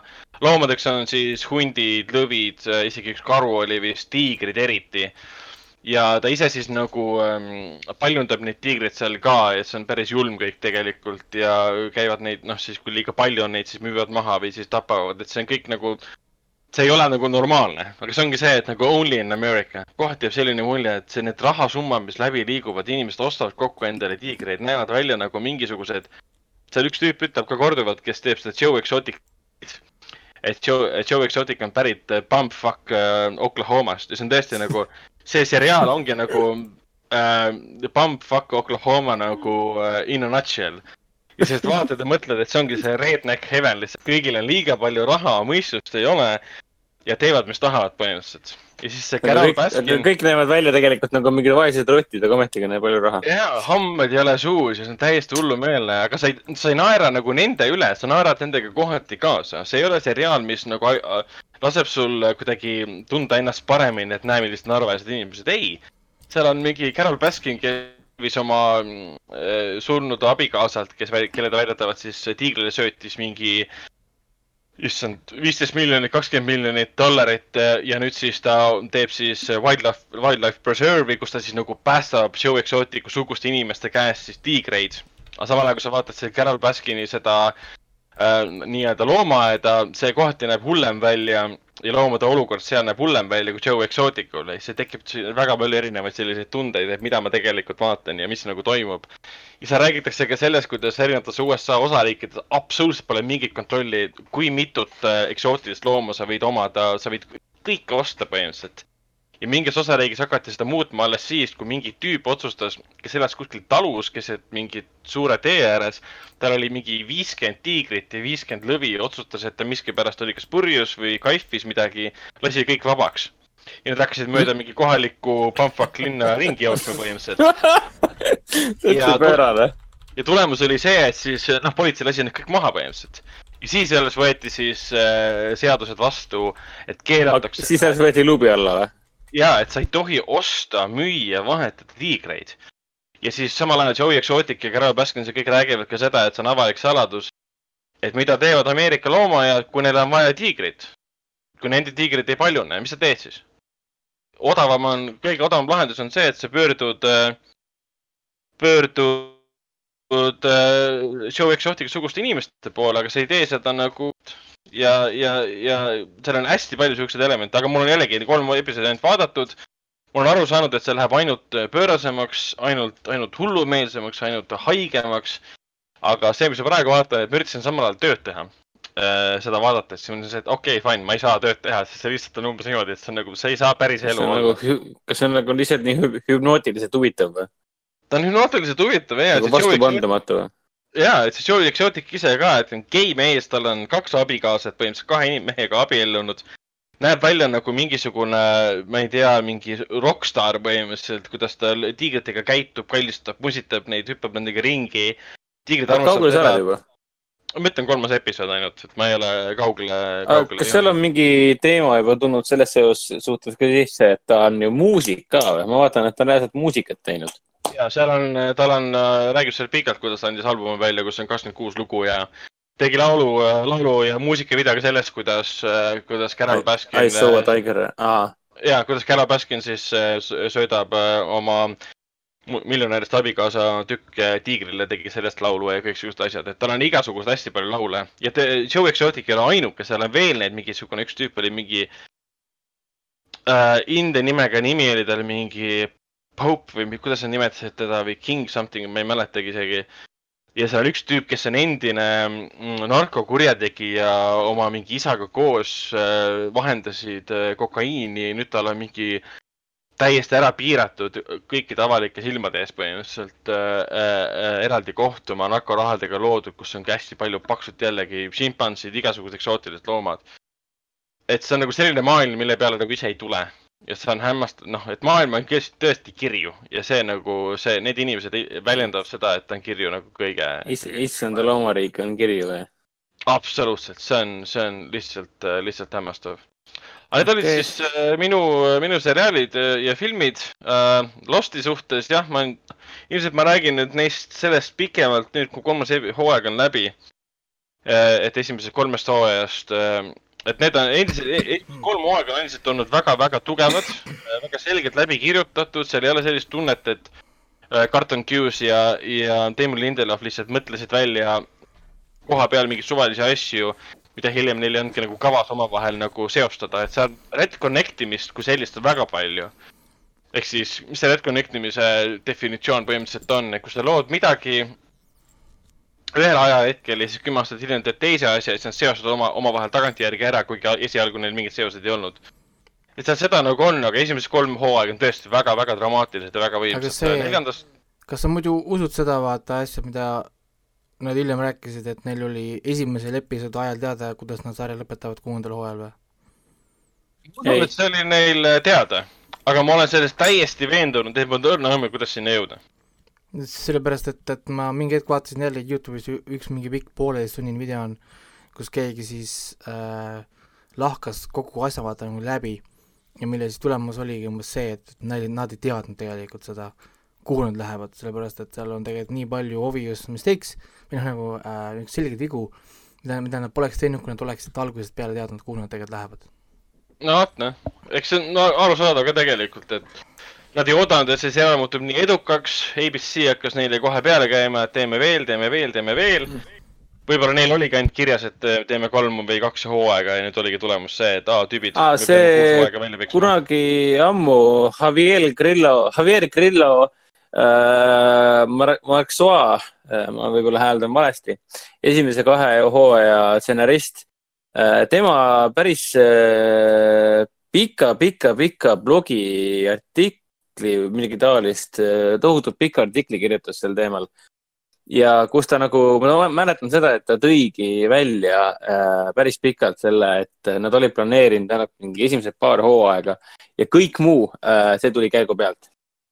Et kõik muu tuli äh, käigu pealt puhtalt tänu sellele, et äh, absoluutselt mitte keegi ei arvanud, et sellest seriaalist peaks saama niimoodi selline hitt, nagu temast sai. ma mäletan sellest ka, et neljas, viies ja kuues hooaeg äh, läksid täiesti absurdseks, ajuvabaks kätte ära. et enam pole miski loogiline, aga esimeses kolmes hooajas on kõik enam-vähem loogiline, et nüüd ma tahangi näha, et ma nüüd lõpetan kolmanda ära, et kas neljandas hooajas annab see kohe endast tunda või mitte.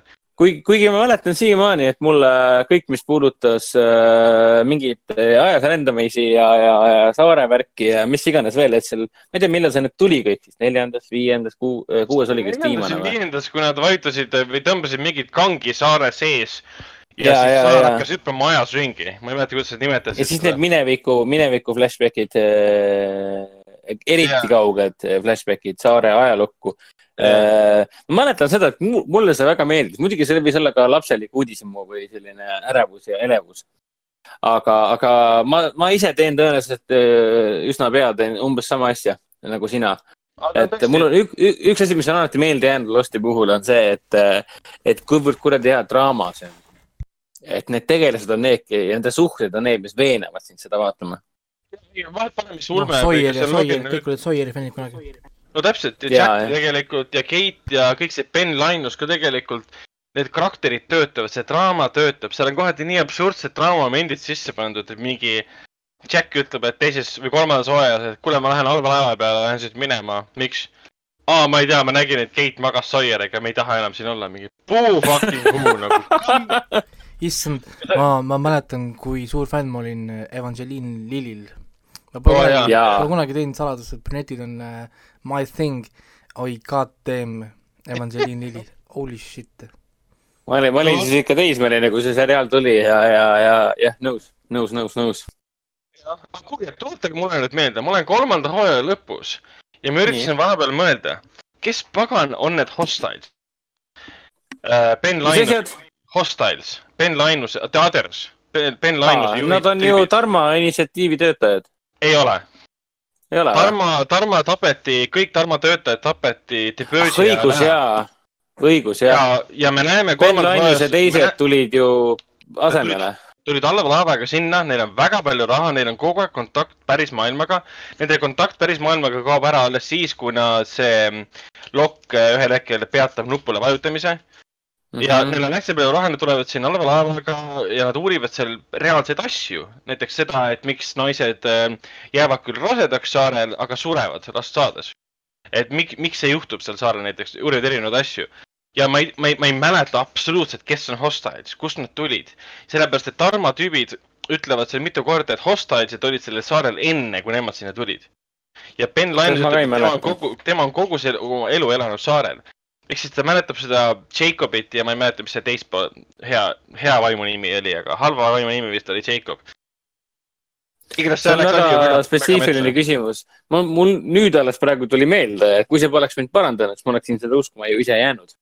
seda, et, et, et nemad ongi Tarmo. aa, õigus jah.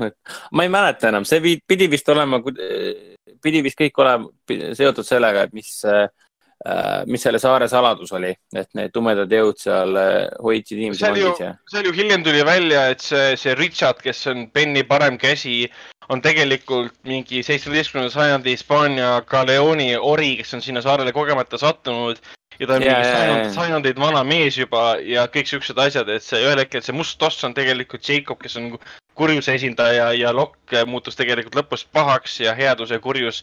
ja miks nad üldse saarele sattus, oligi tegelikult sellepärast, et üks neist või mitu neist on tegelikult, peab võtma headuse kuju üle, et siis oleks tasakaal headuse ja kurjuse vahel ja kõik see. ühesõnaga, jah. aga lähme, lähme edasi uudiste juurde ja äh, alustame, alustame siin Disney, Disney uudistega mm,. Disney plussi jõuab siis Kennet Branaga äh, ulmefantaasiafilm äh, Artemis Fowl äh, kaheteistkümnendal juunil see on, tegemist on siis suure eepilise filmiga, mille eelarve on sada kakskümmend viis miljonit äh, ja mille peaosades on näiteks tuntud näitlejatest siis Josh Gad um,, Colin Farrell, Judy Dench, okei okay,, äh, need pole siis peaosalised, need on kõrvalosalised pigem. Äh, muidu on Ferdia Shaw ja Lara McDonnell peaosades, aga noh, need nimed ei ütle mulle midagi eriti. film pidi tulema ka kinodesse, aga sellest siis loobuti ja tänu koroonaviirusele ja tuleb nüüd otse Disney, Disney plussi minu sellesse palju usku pole, sest äh, Kennet, äh, Kennet Branaga võib olla hea teatri, teatrirežissöör ja kunagi hea režissöör äh, filmialal, aga tema viimase aja filmid mulle absoluutselt ei meeldi. ei meeldi mulle see tema Cinderella, ei meeldi mulle tema Murder Express, Jack Ryan Shadow Recruit oli lihtsalt kohutav saast uh,. Thor oli ka väga kehva film uh,, kuigi ta kunagi tegi küll ja väga hea. oota, mis Jack Ryan uh,? Kennet Branaga lavastas Jack Ryan Shadow Recruit'i lavastas või? Chris Pine oli peaosas ja Kevin Costner. ja ei, ma tean seda filmi, aga mul taibugi, et tema lavastas selle. oo oh, jaa, oo oh, jaa, et ongi. ei, Branaga muidu tore, mulle ju tegelikult see Murder and the Orient Express nagu režii poolest tegelikult meeldis, pigem meeldis. seda küll, jah aga noh. aga noh, sellest äh,, ma ei tea, Artemis Fowli pole meist keegi lugenud vist tõenäoliselt, aga ma lugesin selle tausta äh,, noh, Vikipeedia Äh, ja Viki põhjal äh, Artemis Fowli raamat ise kõlab nagu pagana huvitav ja väga intrigeeriv äh, kontseptsioon on välja mõeldud. aga, aga treileri põhjal on justkui näha ja lugedes ka fännide, raamatufännide kommentaare, siis on justkui näha, et see on väga, väga disneyfikeeritud nii-öelda. jah, on väga Disney, ära disnistatud tõsi, algupärases materjalis nagu kaugele läinud ja kõik see ja räägitakse, et Disney kartis juba enne, kui koroonaviirus hakkas levima, et see film ei ole edukas äh,, sarnaselt nende eelmisele raamatu katsetusele, milleks oli see, issand, Ava DuVernay film äh,, see, kus Oprah oli see, see Wrinkle on Time või? Wrinkle in Time jah, mis oli ka ja. täiesti, täiesti mööda kinode mõttes. aga no äkki ta ongi ideaalne Disney plussi film, mis kulutati sada kakskümmend viis miljonit uh,. Disneyga jätkame, pigem siis antud juhul siis Marveliga. nimelt selgus, et järgmise Doctor Strange'i filmi, mille nimeks on siis Doctor Strange in uh,, in the multiverse of madness uh,. selle režissöör hakkab olema siis Sam Raimi. eelmine, eelmine režissöör oli tegelikult esimese Doctor Strange'i režissöör Scott Derrickson, kes siis loobus tema ülesannetest uh, olid mingid ametlikud põhjused, aga noh, tõenäoliselt ma saan aru, mis see põhjus oli tal õnnestus teha seda filmi, mis ta tahtis teha. aga noh, Sam Raimi on selline režissöör, kes on lasknud endale korduvalt pähe istuda, kui me räägime siin Sam Raimi sellest äh, Spider-man kolmest muidugi Sony mõttes.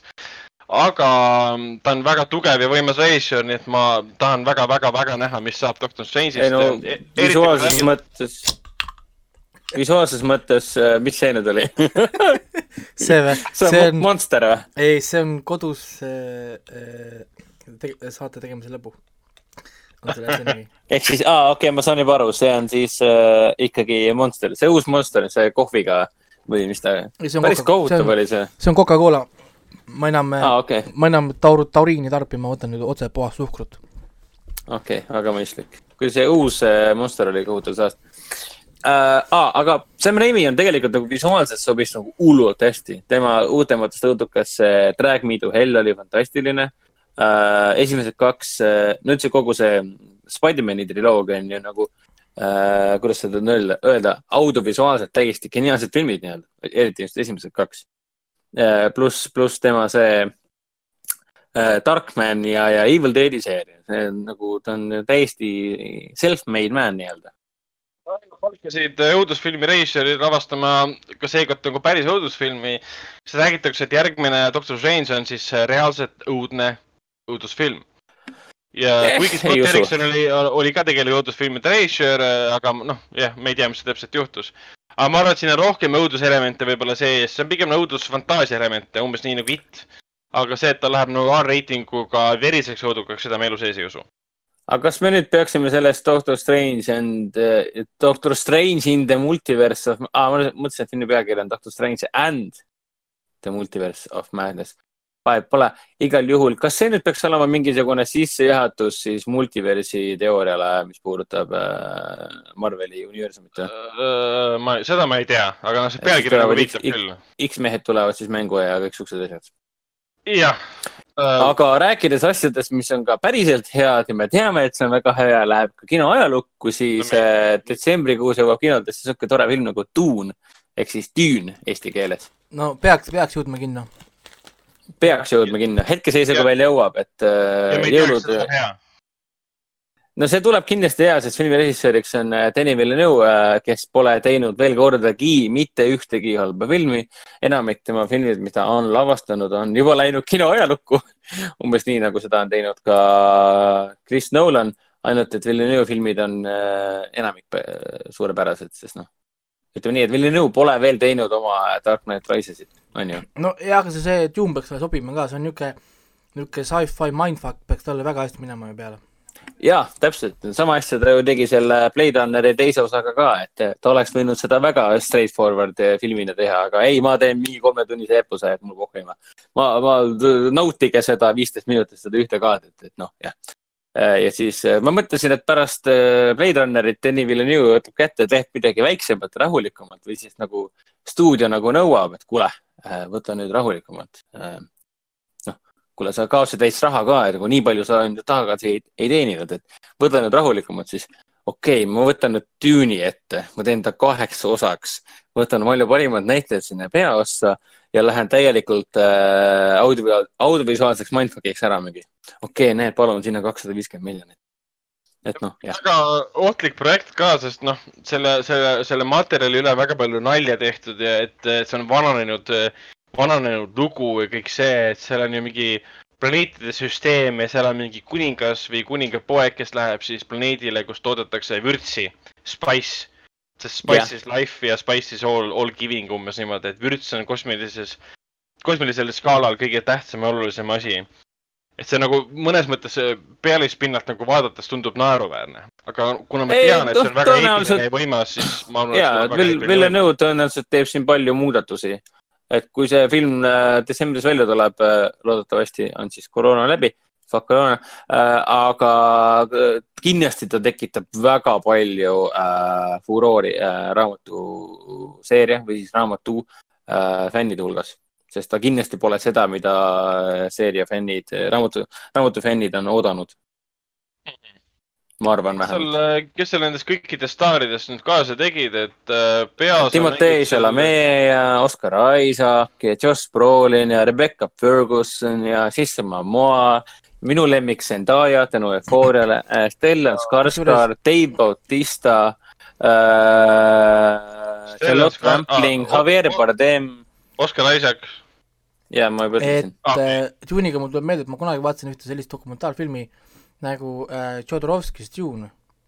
ja, ja ma olen ka näinud seda. ja, ma, ja, ja see on nagu noh, tundus nii veider nagu tookord vaadata seda, sest ma ei olnud, ma ei ole mitte Dune'i fänn olnud. ma, välja arvatud siis mäng, kaks tuhat ilmus siis ka Dune kaks tuhat, mida ma siis noh, fänn, fännasin nagu videomänguna, aga, aga ütleme, story jah, ei olnud ka minu arust kunagi väga mingi noh, ütleme, mitte midagi erilist, ütleme siis nii. Ja, ja siis ma vaatasin seda Jodorowsky Dune'i, et siis ma olin küll nagu väga nagu impressed ja siis tookord ma mäletan, ma mõtlesin, et issand, et noh, keegi võiks teha tõesti selle Dune'i ära siis sellisel kujul, nagu, nagu siis härra Tšodorovski tahtis teha. jaa, see on muidugi kahju, et seda kunagi ei juhtunud. aga noh, ühel või teisel viisil on see kõik, mida Jodorovski Dune'i jaoks kokku pani nagu seal dokis oli näha ka, on ühel või teisel viisil on sellest äh, ütleme, ulmefantaasia piiblist, mida siis Jodorovski ja tema meeskond kokku pani, on siis äh,, seda on metsikul hulgal kasutatud ehk siis kogu see minu meelest on üks või, üks või kaks raamatut on reaalselt alles, üks on Jodorowsky käes ja teine ma ei tea, kus. Ja seda raamatut reaalselt on kasutatud, sest ta on imbunud läbi hästi palju inspiratsiooni sarnadele, sarnadele teistele filmidele ja seriaalidele, mis on sealt inspiratsiooni saanud nojah, sest Dune'i peal ju töötas näiteks HR Kiiger näiteks, kes läks edasi tulnuka filmidele. ja, ja Tänno Pänn on, Tänno Pänn on nii tulnuka stsenarist töötas ka täpselt ja väga palju HR Gigeril loodud äh, äh, kontseptsiooni, kontsept art selle filmi jaoks veel läks kasutusse siis tulnukafilmidel ja nii edasi, mõjutas kõiki neid äh, ulmefilme, ilma et see film oleks kunagi nagu välja tulnud. aga selles mõttes, selles võib täiesti kindel olla, et äh, Villeneuve, või kuidas sa hääldad tema perekonnanime, Dune Villeneuve. saab, saab olema täiesti teistsugune kui see, mida Tarkovski kunagi välja mõtles, et kindlasti ta tutvus materjalidega, aga noh, tead, vaadates nagu tema filmi, mis ta varasemalt on teinud ulmefilmidega, siis ma arvan, et see film tuleb rohkem nagu Blade Runner kaks tuhat nelikümmend üheksa. Äh, ma arvan, et pigem mitte, selles mõttes Blade Runner kaks tuhat nelikümmend üheksa oli, ta oli väga, väga Blade Runner, mis on nagu väga positiivne asi, mida öelda tegelikult. aga seekord äh, ta ei ole järjelugu, ta on äh, sama materjali, mida on varem juba filmiks tehtud, uus nägemus, uus ekraniseering, et see ongi huvitav näha, et äh, kas ja kuidas ta tegelikult inspiratsiooni siis mujalt võtab. no siin on pärast tulebki ka, välja, et siin on palju sellist äh, Jodorowskilikku sees. no Dune on ka tegelikult, tegelikult kultustusmaterjal ka, see ei ole enam noh, niisama. sest, jah, täpselt, sest noh, mängud ja filmid ja mängud, seriaalid filmid, ja seriaalid, tal on animatsioonid, tal on äh, raamatud on, muidugi, mitu raamatut tal on isegi. mingid komiksid ka nüüd tekkinud ja, ja issand, noh, selles mõttes tal on mm. -hmm. tal on niisugune oma nagu terve segment internetis on nagu Dune'i ümber. nii et jah, sest see ei saa olla nagu niisama visatud, umbes nagu praegu on see Monster Hunteriga film, vaata. et noh, jah, aa jaa, et, jah et, et kui sa kuigi viskad mingis mõttes on Dune ikka nagu nišš võrreldes siis mingi, ma ei tea, mingi tulnukaga või, või, või. ei no, ei no, ei no ta on nišš küll ja muidugi, sest ta on ikkagist, et ta on isegi sci-fi nagu maailmas on ta nagu nii nagu nišikas, et ta ei ole seal ka nagu mingi niisugune suur domi-, domi-, domineeriv nimi, aga, aga tal on oma nagu koht olemas, ma räägin selles mõttes, et et, et noh, sa ei saa, noh, vaata mina, mina vaatan alati niisuguseid filme nagu nii äh, noh, nagu veits skeptilise pilguga, sest põhimõtteliselt juba algusest peale on niisugune ebaõnnestumise niisugune ankur on kaelas sul, et sest kõik ootavad midagi, aga, aga keegi ei tea, mida nad, mida nad ootavad ja mis iganes sa neile annad, see ei ole ikka päris see. noh, niisugune, niisugune noh, niisugune, niisugune veider asi. mul on endal isiklikult veel kindel plaan äh, raamat läbi jõuda, mul on ta väiksem, niisugune koopia on olemas kodus. ma olen ikka veel esimese peatüki juures aga ma olen kindel, et praegu on, pole veel maikuu käeski, et ma jõuan, ma jõuan kindlasti läbi lugeda selle. No aga võib öelda küll, et esimene peatükk on juba tegelikult üsna keeruline asi, mida läbi hammustada, sest ta on väga harjumatu nii-öelda. et ta ei ole sinu äh, tavapärane ulme. pigem selline äh, tõsise ulmefänni raamat.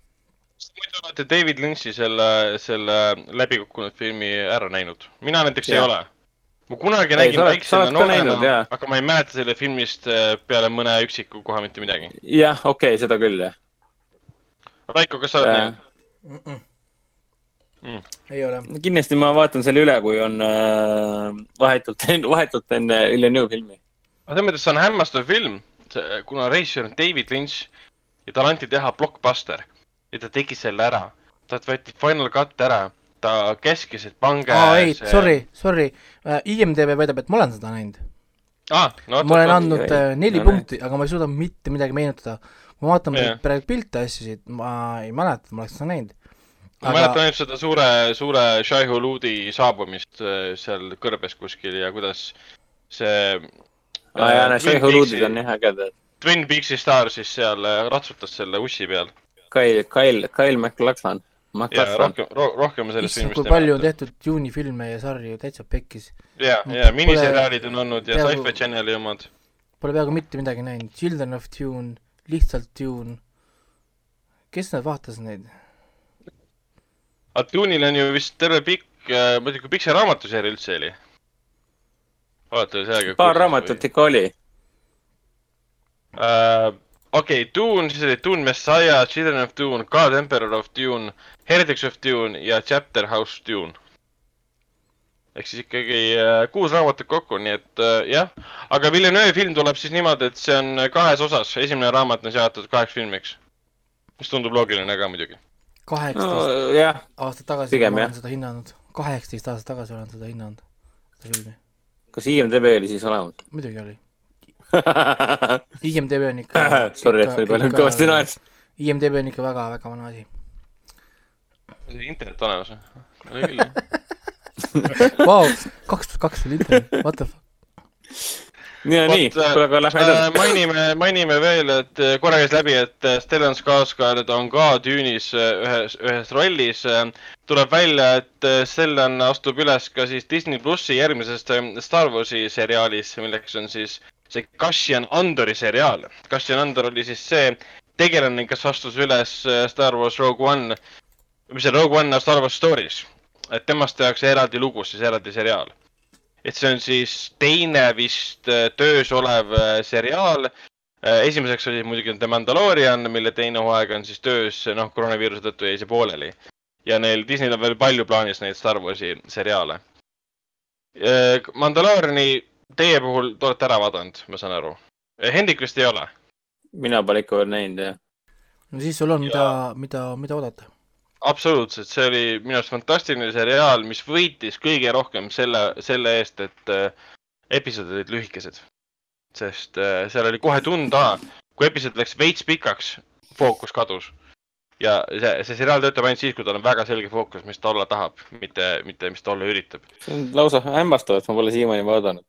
Ma Mhm. nüüd võtan ta kindlasti ette, mul on palju asju, mida ma pole vaadanud, siukest selgelt kulda, mida ma pole vaadanud. mul on HBO olemas, ma vaatan mingit Run'i ja, ja, ja äh, Barry't, aga Watchmeni ma ei vaata, nagu mis sul viga on ah,? ma olen ikka haige inimene mõnikord. HBO-s on ju Deadwood, mida mina pole näinud, mille peaks ära yeah. vaatama iga endast lugupidav inimene, samamoodi The yeah. Wire. peaks ära yeah. vaatama selle. Vot äh,, mainime ka sellist filmi nagu äh,, nagu Capone, mis on siis Tom Hardy uus film, mis alles kandis pealkirja nimega Fonzo, mis oli see Al Capone, kuna ta oli Alphonse Capone tegelikult äh, hüüdnimi. ja see on siis äh, nii-öelda Al Capone'i siis legendaarse USA siis äh, Ameerika mafioosniku poolelulooline film, kuna see algab pärast seda põhimõtteliselt, kui ta vanglast vabanes ja tal väidab, et tal oli dementia ja oli raha peitnud kuskile, aga tegelikult tal oli? räägib tema elust. Dementsus. mis ma ütlesin okay., dementia või? dementsus jah. dementia, mõtlesin midagi kuradi. aga Tom Hardy ta kehastab äh,, äh, filmi reisijal on Josh Trank, kes tegi siis suurepärase filmi The Chronicle, Chronicle. aga see samas oli hea. siis äh, Fantastic äh,, Fantastic Fouri äh,, mis siis suuresti tänu siis stuudiole ja produtsentile totaalselt läbi kukkus. sa ütlesid Fantastic Fouri nime valesti, see on Fan Four Stick. ja Fan Forstic täpselt ja see on siis tema esimene film pärast äh, Fan Forstici häbiväärset läbikukkumist, mil tüüp kadus, kirjutas stsenaariumi Al Capone'i elust ja sai sinna Tom Hardy ta oli ju vahepeal ju ühe, ühe Star Warsi filmi režissöör ju. jah, ta määrati ühe Star Warsi filmi tõesti ma ei ja mäleta enam, kas see võis olla mingi soolo või mis ta oli midagi muud või? see oli üks äh, nimetamaks jäänud filmi äh, reisijaks oli ta määratud, aga ta kaotati Oota- kohe pärast seda, kui Fan Forstic läbi kukkus. oota, soolo lavastas kes, Ron Howard või? jah, aga kellelt ta selle teatepulga üle võttis, vaata keegi visati välja sealt. aa, need olid Phil Lord ja Chris Miller või? jah, täpselt. ja, ja, ja, ja õigus jah mm. -hmm. Jah. on nii palju asju Aga- vahepeal muutunud. aga Capone äh, sarnaselt väga paljudele teistele filmidele äh, koroona ajal äh, ei jõua kinodesse. et see kõik Jah. tegelikult jõuab esialgu digitaalsetele platvormidele juba nüüd äh, kaheteistkümnendal mail. kuigi see film on kusjuures nii, produtsendid andsid teada, et nad loodavad pärast ikkagi filmi kinno ka panna, mis tegelikult kõlab väga rumala lausena. oota, sa lased filmi digitaalsena välja ja loodad selle pärast koroonat uuesti kinno panna. miks peaks ükski kino võtma vastu filmi, mis on juba internetis? Jah. Um, jep, samal ajal kui ku- kogu sügis ja talv on paksud filme täis. et see. Capone'il ei ole kohta kinos, ma arvan, et see lause lihtsalt oli sellepärast öeldud, et me, me ikka veel loodame. Aga see film on nii päris pikalt juba ju töös olnud tegelikult, et, et see minu teada vist pidi juba eelmisel aastal tegelikult äh, välja tulema. ma tean, et Eesti, Eesti levikalendris oli see päris pikalt juba sees äh,. lükati korduvalt edasi ja edasi, edasi, edasi. tõenäoliselt lihtsalt äh, polnud paigas täpselt, millal film valmis saab. nojah, kas see edasilükkamine on, on, kas selle edasilükkamisel on mingi seos nüüd Josh Tranki needusega seoses tema siis selle Fan Forstic'iga, ma ei tea. pigem ma arvan, et tal oli lihtsalt aega filmi kallal ähm, tööd, tööd teha. aga kinode avamisest saame ka natuke rääkida, et siin äh, üks, üks USA kinokett Cinemark võttis siis Trumpi valitsuse viimased juhtnöörid südamesse ja andis siis teada, et kui kõik hästi läheb, nemad avavad kinod oma kinoketi kinod siis juba juulis. Juba juulis või? ja, et juunis Juba? hakkavad tegema ja, ja kõigepealt nende plaan on päris huvitav, nad, kuna neil ei ole suvel uusi filme lasta. kõik uued filmid põhimõtteliselt on ära lükatud äh, talvesse sügisesse või järgmise aasta peale. viimane, mis läks, oli vist äh, Soul läks sügisesse, kui ma nüüd ei eksi. täpselt, see oli siis Pixari uus. Pixari Soul, jah. ja mida siis Cinemarki kinod teevad, on see, et nad turundavad niimoodi, et esiteks neil on madalad, madalad piletihinnad ja näitavad siis vanemaid filme. vanemaid filme selles Jah. mõttes, et mis võib-olla alles olid kinos või lihtsalt vanemaid klassikaid. et niimoodi harjutada, harjutada inimesed uuesti kinoga ja ütlesid ka, et nende plaanide kohaselt äh, tuleviku nägemisel võtab see umbes kolm kuud aega, et harjutada inimesed uuesti kinoga, et saavutada juba kolme kuuga saavutada see, et rahvas käib uuesti massiliselt äh, blockbusterit vaatamas. noh, eks siis sügiseks on, sügis on siis uus suvi nii-öelda, sest kõik suured filmid on niikuinii sügisest alates kinos. jah, no ma ei tea, kui, kui optimistlik see nüüd on. muidugi Eesti- Wonder Woman on augustis, nii et äh, kõik on ma arvan, et see kaob ka augustist ära, et see on äh, ja no tegelikult, juulis on ikka veel Tenet paigas, mis on ka nagu, jah jah., et kui nüüd vaadata juuni, juuli, august ehk siis kinosuvi, me peaksime selles järgmises saates nagu kokkuvõtte tegema. kinosuvi jääb põhimõtteliselt ära. selle Jah, koha pealt kinosuvesse on jäänud hetkel suurtest, väga suurtest filmidest ongi Tenet ja Wonder Woman. Wonder Womani suhtes ma olen täiesti veendunud, et see viiakse sealt minema. Teneti suhtes see on juba seitseteist juuli. ma kardan, et see läheb ka sealt minema. kui need kaks filmi lähevad ära, siis on mõned üksikud jäänud ja ma arvan, et need kaovad ka. ja see on erakordne lihtsalt. see on hämmastav, et Tenet äh, on ikka veel paigas. see on jah, aga Warner Brothers praegu mõtleb ka, et äh, neil ei ole kuskile enam paigutada. kõik vaata, Disney võt- võttis ju varakult head kuupäevad kõik kohad ära. See on see, et mida sa siis äh, tuled juulis äh,, juuli keskel lähed siis Tenetit vaatama, aga kõik kinod tõenäoliselt äh,, kes vähegi lahti on, juulikuust äkki siis äh,, see on tõesti must stsenaarium nii-öelda äh,. aga siis on niikuinii ju juhised, kuidas kinos käia. sinu kõrval äh, ei tohi keegi istuda mõlemal poolel, sinu ees ja taga ei tohi keegi istuda. sul on mingi viiesaja kohaline saal ja siis äh, põhimõtteliselt äh, minimaalselt inimesi läheb sisse ehk ehk siis teisisõnu see, et aga mis mõttega sa siis filmi välja lased, kui sa mitte sittagi ei teeni. no täpselt, sa tahad ju suured stuudiod mõtlevadki niimoodi, et miks ma siis filmi välja lasen, sellepärast Nojah. ära paigutavadki. see, mina näiteks ei usu väga seda äh, kinotava, mis juulis esi-, esiteks Vau. siis äh, teine nagu no sa oled ikka pessimistlik, Raiko. no Ameerikas kindlasti mitte, Eestis on see täitsa võimalik, ma arvan, Eestis me võime juunis ka vaadata. aga Ameerikas kindlasti mitte, Ameerika, nende numbrid alles jooksevad ja, ja, ja nendel on see asi alles äh, algusetapis siin, et enne kui nad, kui nad oma selle kurvi lõpuni jõuavad, eriti veel kui Trump ütles, et nad on kurvi lõpus, siis tähendab seda, et nad on kurvi lõpus väga-väga-väga kaugel et äh, äh, ma olin alles üks päev vist, mingi paar päeva tagasi äh,, jäin ühe sõbraga arutama ühest, ühest teisest nagu filmiprojektist ja siis tuli ka korra kinode asi tuli nagu jutuks. Ja siis me korra rääkisime ka sellest, vaata, et inimestel tekib kakskümmend üks päeva, on, on, on, on see aeg, kus inimestel tekivad uued harjumused. kui inimesed pole nüüd kakskümmend üks päeva pole kinos käinud, nagu, ehk siis nüüd on inimestel uued, uued harjumused sees, isegi kui sa nüüd avad kinod, on ju, ütleme Eestis näiteks avad kinod, kuidas sa, kuidas saada inimest tagasi kinno, siis me hakkasimegi siin erinevaid äh, niisuguseid ideesid pakkuma nagu ja et see saab olema kinodel väga keeruline ülesanne. jah, see on muidugi tõsi. et, et äh, isegi kui esiteks lubatakse minna kinno, sul on terve hunnik inimesi, kes ei taha minna kinno. sellepärast, et sest nad kõik on ju ära hirmutatud, no see hirmu see hirmu osa on nüüd üks asi, teine asi on see, et inimene on näinud äh, natukene teise pilguga nüüd enda raha kasutamist. ehk siis äh, tal äh, kodus olles inimestel on jäänud rohkem raha alles. ta ei kasutanud bensiini peale raha, on ju, saad aru, teatud asjad, mis ta arvas, et ta peab tegema, ta tegelikult ei pidanud tegema. saad aru, ehk siis äh, nüüd on nagu väga raske inimest veenda, et ta peaks tulema kinno näiteks ja ostma kümne eurost pileti ja võib-olla kümne euro eest siis võib-olla Coca-Colat ja popkorni, on ju. ehk Jah. siis, ehk siis see, saab olema kinode jaoks väga niisugune um, challenging, challenging aeg ja, ja ma tegelikult ei imestakski, kui kinod peakski tegema mingisuguseid väga veidraid kampaaniaid, näiteks ostad kaks piletit, saad ühe tasuta või, või saad aru, mingi ostad mingit asja saad tasuta joogid vesetud, noh mingi asi, et, et lihtsalt saada inimesi nagu saalidesse.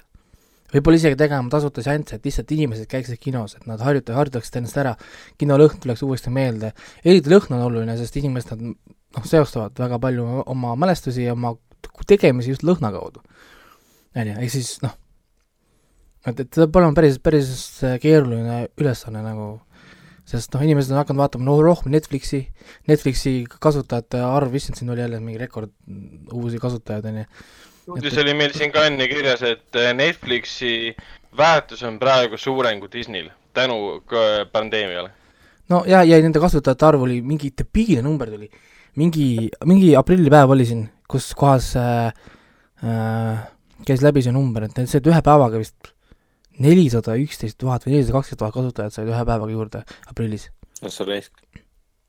noh, mingisugune nelisada kaksteist tuhat. mida, midagi sellist jah, mingi eriti debiilne number, kui, kui nad said uusi, uusi maksvaid kasutajaid said juurde endale. et, et noh, Netflix on sügavalt nautinud seda äh, karantiiniperioodi praegu.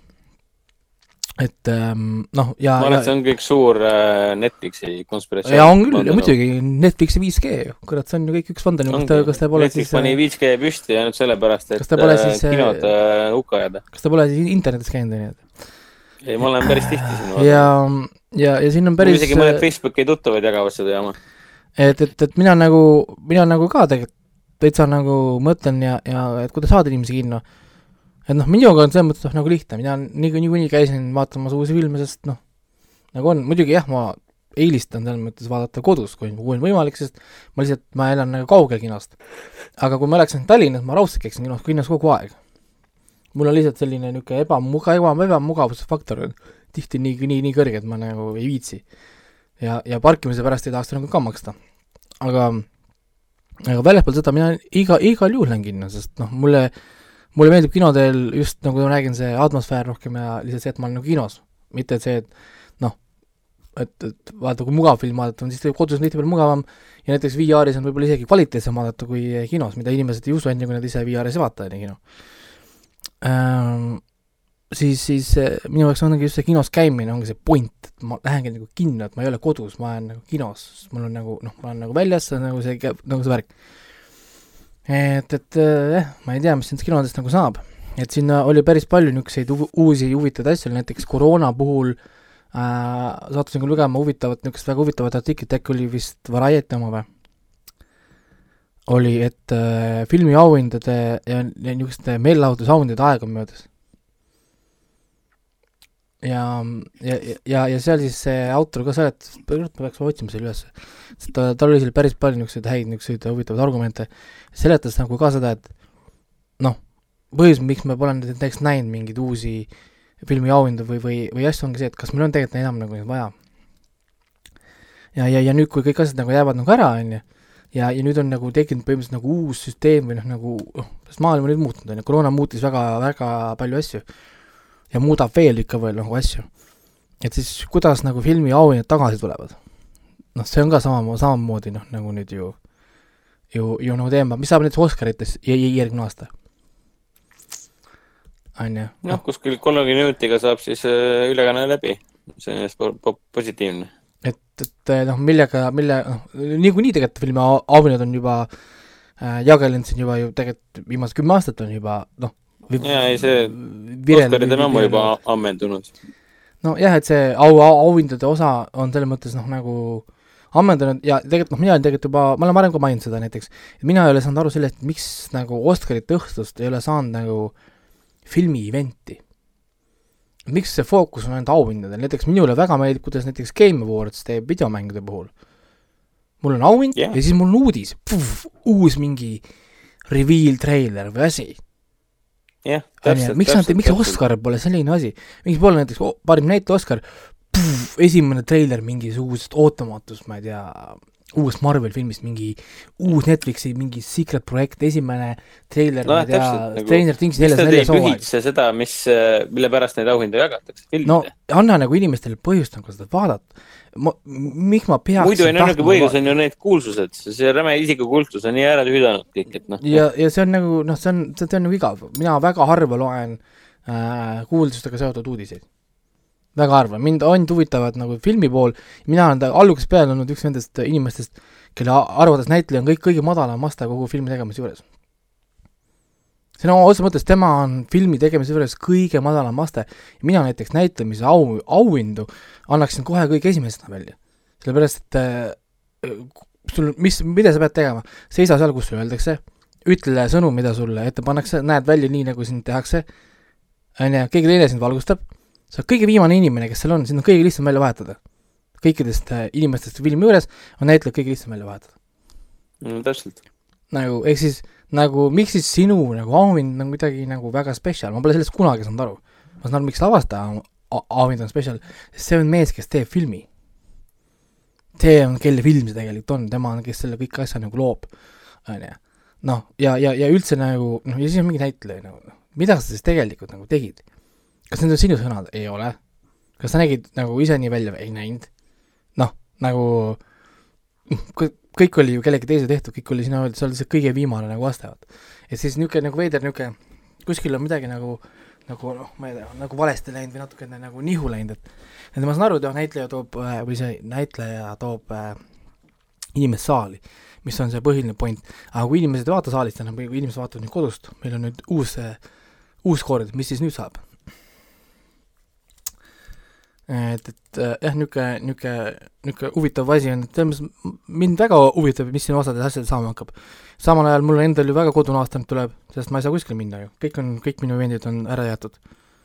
on ju, kuigi Cannes'i filmifestival veel siin puksib ja väidetavalt lükkab ennast edasi, aga olgem reaalsed, see saab ka tegelikult cancel varsti. Nad väidavad küll, et tahavad selle ära teha mingisugusel nojah, et nad, et nad hoiavad seda pressipääset ka veel siin kümne küünega alles, vaata, ma sain oma pressipääseme kätte ja, ja nad ei pane cancel sellele ka. ma, mi- ma olen kolm korda küsinud, kas see jääb ära, ei jaa, jaa, jaa. meil tuleb siin äh, juuni lõpus, juuli alguses, sittagi sul tuleb. noh, et Nad teevad selle digitaalselt või kuidagi internetiplatvormil kuidagi. sest see March to Film, selle kohta öeldakse küll, mis on see filmitööstuse insiderite kokkusaamine, kus tehakse kõik äh, kokkulepped. see toimub küll digitaalsel platvormil. selle Mm. kohta juba räägitakse. ja aga nagu filmifestival ise, selle kohta pole midagi öeldud. et nüüd Prantsusmaa ju kehtestas, mis ta kestis, juuni keskpaiguni või juuli keskpaiguni selle äh, massiürituste äh, Keelu, keelu, keelu, mis tähendab siis jah, et kui Cannes toimub, siis ta toimub äh,, ma ei tea, augustis, septembris, talvel kuskil no.. no ja, ja samal ajal näiteks Gamescom juba ütles, et, et, et, et, et, et jääb ära. Tokyo Mm. mm. Game Show andis ka teada, et nad läksid ooterežiimile. ehk Aa. siis äh, Tokyo Game Show muidu on septembri alguses, esimese septembri teise nädala keskel lõpus. noh, ja kõik asjad nagu jäävad nagu ära, noh. et mingil määral ma olen kurb, on ju, et see on noh, hästi paha, et see jääb ära, on ju. teiselt poolt ma saan olla kodus, on ju, see, ma pole ammu nii palju kodus saanud ehitada ja teha, kui ma praegu saan, on teen. jah, iga päev midagi, on ju, see õue, õued saab korda ja nüüd ma hakkan noh, järgmiseid lubasid, ühesõnaga maja, maja saab korda, noh, kohe näha, et äh, inimesed on kodus, ja, ja, ja ja, ja samal ajal tegelikult, kui, kui mingi hetk tundus, et mul asjad lähevad nagu väga nagu nihu, siis koroona on loonud väga palju uusi võimalusi, mis tundub, et võib-olla isegi mängib paremini välja kui vanad äh, variandid, on ju. Nii et äh, ma nüüd ei teagi nagu, et, et kas ma nagu lõpuks olen kurb, et jääb ära või ei ole kurb, et jääb ära. ja samal ajal tegelikult mulle nagu rei-, reisida meeldib, aga ma ei taha lend-, lennata kunagi, mind ilgelt häirib lendamine, on ju, lendamine on minu arust väga hirmus asi. nõus, täiesti ja, nõus. ja iga kord, kui ma nagu lendan, ma iga kord vannun, et see on viimane kord ja siis kuu aja pärast ma olen jälle kuradi sellest lennukist tagasi. ja, ja, ja ikka imestan, et, et miks see nii on, on ju. et kas tõesti kuidagi muud moodi ei saa või?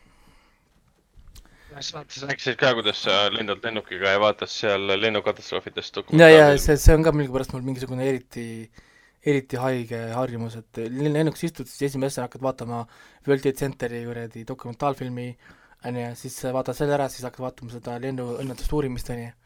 no ja just sel hetkel, kui nad mainivad, on need turbulents äh, tegi mingisuguse poldi lahti kuskil, siis käib äh, enda lennuk käib ka põpp-põpp-põpp-põpp kuskilt läbi.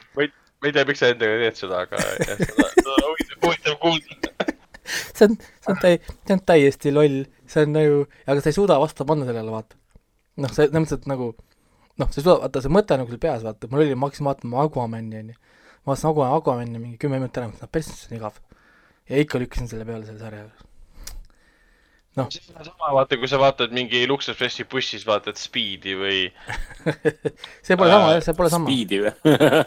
vaata, sul ei ole legendaarseid filme, mis leiavad aset bussis, vaata. No peale no,, peale Speedi. see pole ka selles mõttes nagu samas, et buss pole nii ohtlik, vaata, bussiõnnetus on noh, mis sinuga juhtub, midagi juhtub. et noh, väga nagu väike tõenäosus, et midagi juhtub, aga kui lennukiga midagi juhtub, siis, siis, siis suuri põnevaid äh, põnevusdokumentaalseeria, seriaale sellest, mis juhtus selle bussiga või? Ma ei usu. ei no jaa, aga ei ega näiteks mul on tegelikult äh, sama harjumus ka näiteks õudusfilmidega, pere läheb ära, on ju, kodus ma jään üksinda koju, mul ei ole naabritega midagi, ma olen nagu eraldatud, mis praegu koroona ajal on ju suurepärane, siis äh, ma hakkan ka vaatama õudusfilme, mis läheb sellesse väga hästi kokku. et võtan kohe next oh,, keegi mureb majja, majja sisse, sa oled üksinda, vaata, on ju. seda, ja siis ma otsin ka, vaata, vaatan niisugused filmid, vaata, kus keegi pööningul ja värgid on, ja siis oled siin öösel kell kolm, on ju, õues on pime ja siis hakkab see pihta, vaata, klassikaline värk et koer haugub äh, kuskil aia, aianurka, kus, kus, kus, kus kedagi ei ole. nii, siis võtate taskulambi, lähed õue, kedagi pole seal, koer hakkab hakkama kuuri, kuuris mingi asi kukub, holy shit, mis No seal nii., mis seal toimub. siis sa, siis sa öö, kõnnid maja poole, on ju, su suures, suure, toores, suures toas põleb tuli, sa mandud, et keegi just kõndis seal toas. On ju, siis on holy shit, et miks mul keegi kodus on, vaata.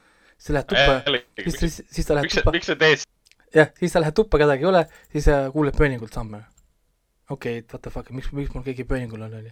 siis reaalselt ma olen teinud vahepeal niimoodi, et äh, võtan õudusfilmi ajal, ma la- lasen koera tuppa, võtan koera endale siis, et, et noh, et, et, et on suur ja suur ja tige koer, onju, siis te- siis teiseks mul on, mul on ahju Euroopa kirves on ka alati kõrval. käeulatuses jah?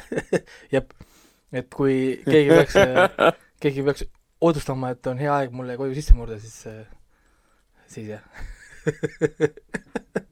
et eh, aga samal ajal see on efektiivne, sest õudusfilm toimib, vaata, kui sa vaatad seda päeval, pere on, rahvas räägib sul tähelepanu hajutatud, siis sa ei saa elu sees sellest filmist seda niisugust kogemust vaata kätte. No see jah, see on see, mida see film üritas sulle tegelikult pakkuda. no ja, ja, ja, ja siis mina aitan kaasa, ma loon atmosfääri, ma, ma nagu noh, teen set-up'i ära. aga näiteks samal ajal mul on olnud siin väga niisuguseid friiki momente, ma öösiti mängin VR õudusmänge ka. ja, ja noh, enamasti ma panen oma ukse kinni, et lapsed või keegi saaks mind tulla segama, sest ma ei kuule ja ma ei näe VR-is. Ma ei taha, et keegi tiigut-, tiigutaks mind keset kuradi õudusmänge kuskilt pükstest või kuskilt, onju. noh, ja, ja siis, ja siis mul, siis mul on olnud momente, kus ma unustan ukse kinni panna, noh. ja laps ärkab üles, ta näeb halba und või, või mida iganes ja tuleb ja, ja issi, issi, issi kuule. keegi äkki tõmbab pükstest, vaata, lataki. noh, see on, nii hea lihtsalt. siis on küll lihtsalt, et sul süda jääb seisma, sul on nagu mingi noh, what the fuck is going on, vaata, et no ja, ja, ja siis võtab prillid ära ja vaatad mingi laps on kõrval nu-, nutab, sest äh, issi pole vastanud talle viis minutit, ta hüüab mind, onju. et äh, noh, kelle see rohkem tuleb meeldima, sulle või talle, ma ei tea. aga Vau. et, et aa, ja muidu tegelikult tahtsin rääkida, et ma äh, tahan HÖFFi jaoks ehitada endale õue, niisuguse õue, õueplatvormi, et vaataks siis läbi neti projektooriga õues suure ekraani pealt. Aa., väga mõistlik ju. see on nagu õue välikino äh, projekti pealt, nojah, sellest HÖFFiga, HÖFF on nüüd tegelikult osa uudistest äh,. HÖFF kuulutas ametlikult välja, et nad Elisega koos siis loovad äh, platvormi, kust siis kogu HÖFFi saab digitaalselt vaadata. et kakskümmend pluss filmi on endiselt olemas, lühifilmid on endiselt olemas kahes programmis ja toimuvad ka intervjuud ja külalised tulevad, aga noh, digitaalsel virtuaalsel teel. ja toimub ta siis seekord juba üsna varsti tegelikult äh,. see oli mis ta on nüüd, kahe, kahe ja poole nädala pärast jep, kaheksandast kümnenda maini. täpselt jah, et HÖFF ära ei jää, aga kahju, siis mul on väga-väga kahju, sest mul on isiklikul tasandil, mul on kõige rohkem kahju just sellest, et HÖFF jääb ära. et yeah. ma oleks väga tahtnud minna Haapsalu, väga HÖFF oli minu jaoks alati kuskil kolme kuni neljapäevane puhkus, kus ma läksin äh, hommikuti ja lõunati sõin äh, paksult äh, Porschen, Porsist, Porsist ennast paksuks nii-öelda ja läksin nautisin filmi väga hea seltskonnaga. see oli nagu põhiteema. see on küll kurb, et jah, et nagu nii, mille mäletan, millal ma käinud HÖFFil. ma olen HÖFFil käinud ikka, ma ei kümme aastat vist Jaa. ma ei tea, ikka väga kaua aega Jaa. olen käinud iga aasta HÖFFil kogu aeg. see on, HÖFF on nagu pereliige nii-öelda, et see, see nagu peab käima, see on nagu kokkutulek nii-öelda. meie kus sa esimene läheb alati kõik tuttavaid näeb seal ja. Meil oli Hendrikuga esimene HÖFF oli vist äh, kaks tuhat üksteist, kui ma ei eksi. üksteist või? ja Yes, enne seda ma väga ei käinud. mina igal juhul käisin juba väga ammu, ma käisin juba, issand, algustel aegadel, kui mina, Ove oli seal, ma tean, et Maria oli äh, mm. -hmm. kes me veel tookord oli seal, keda, kes on, kes on nagu jäänud käima, Relf käis ka, kurat, Relf on käinud ka ikka minu arust väga ammu. ja, ja on. ja, ja ma mõtlen, kes seal, no ka osad on käinud, Ove, ma tean, mina ja Ove olime juba tollel ajal seal ja mäletan seda momenti, kus ma esimest korda nägin seal Ove, mul oli, mida sa siin teed? ja siis Ove oli ka, et miks mi,, sa vaatad filme ka või, mis sul viga on? sest me ei saanud Ovega, Ovega veel nagu, nagu läbi, me olime lauamängude siis äh, konkurendis, lau-, lauamängudes ja, ja siis äh, seal siis kohtusime ja et, et Jõhv on üldse nagu jah, seal on päris palju tut-, tutvused on tegelikult tehtud Jõhvil hiljem, mis on nagu noh, selline hästi, hästi intiimne festival, kus noh, väga paljud tulevad kohale ainult selleks, et suhelda inimestega, kellega nad ei kohtu aasta jooksul muul, muul ajal. ja mõnikord nad ei vaata isegi filme seal, võib-olla ühe-kaks filmi vaatavad. no mina tavaliselt vaatan kõik filmid jutti ära, aga pärast noh, vestled inimestega, et see on hästi tore. ja, ja, aga noh, ma loodan, et järgmine aasta lihtsalt on see festival siis, ma ei tea, näiteks viis päeva pikk, et siis saab järjest nautida. no, eks see see on. on hale, kuidas, kuidas see välja mängib, vaata see digitaalne versioon, kuidas see jah, kui edukas see tegelikult See on ja palju see nagu tegelikult äh, toetab ka nagu tulevast festivali, see võib olla ka täiesti vastupidi. et see ei aita üldse, et siin mitmed suured festivalid on tegelikult seda teed läinud, et siin South by Southwest aprilli lõpus äh, SXSV, SXS siis kaks siis V laseb ka oma filmid välja läbi siis Amazon, Amazon Prime video. Amazon Prime'i tähendab, sul ei pea videot olema. ja no siin on yeah. päris palju jah, see videomängude puhul Gamescom teeb ka kõik jälle ainult digitaalselt, et äh, jah, jah, jah. et, et noh, see ongi nagu uus, uus formaat, mis on nagu mingil määral ma räägin, et teeb kurvaks, sest siin on teatud asjad, mida noh, mina oma tööga nüüd teha ei saa, on ju. aga samal ajal nagu noh, ma saan olla ju kodus, on ju, selles mõttes, et noh, ma ei pea reisima, ma saan ikka teha põhimõtteliselt samad asjad ära ka kodust, on ju. nii et mulle nii meel-, nagu samal ajal meeldib jälle, et inimesed avastavad, et nende töökohad tegelikult võib-olla polegi nii olulised, kui nad arvasid, et, et need on ja, ja saab kodus, kodus teha neid tegelikult ilma suurema vaevata koosolekut tegelikult ei pea üldse tegema nii tihti ja ma räägin, siin päris palju asju muutub. Et jah, et inimesed avastasid, et üheksakümmend viis protsenti nende koosolekutest oleks võinud olla emailid, et see on jah enamik, enamik olukorrad mis vau. nüüd vastatakse. ja, ja, ja, ja, nüüd ma muidugi loodan, et on ka see aeg, kus kohas äh, lõ- lõpetatakse kaagutamine, et äh, meditsiinitöötajad on kangelased, vaid tõh-, tõstke lihtsalt palka nendel inimestel. Ongi noh, ongi kõik, et mida sa kaagutad kaua sa korrutad internetis, et sa oled kangelane, kangelane, kangelane, aga palk ei muutu mitte kunagi. et, et sõnad maksavad vähe, tõsta lihtsalt inimesel palka. et see on see, mis lõpuks talle läheb korda, et, et kuradi inimene käib tööl ja, ja, ja ühiskond tegelikult väärtustab sind ju palga näol ja selle näol, kuidas nagu tagasi annab. see, et keegi ütleb sulle kuskil Facebookis, sa oled nii tubli, sa teed nii head tööd, maksab sulle kuradi kuussada euri kuus, siis tegelikult ta sülitab sulle näkku ju. ongi, tegelikult peab ikkagi, süsteem peab meil muutuma ja, ja valitsused, suhtumine peab muutuma ja kõik see peab muutuma. Mitte see, et sa oled kangelane, ma teen sinust laulu, et las Lady Gaga laulab siin. et see, et see, et see teeb tegelikult nagu kurvaks nagu küll, et ma ise, ise nagu tabasin ennast nagu mõtlemas, et mul, mul nagu klassiõde on ka nagu arst.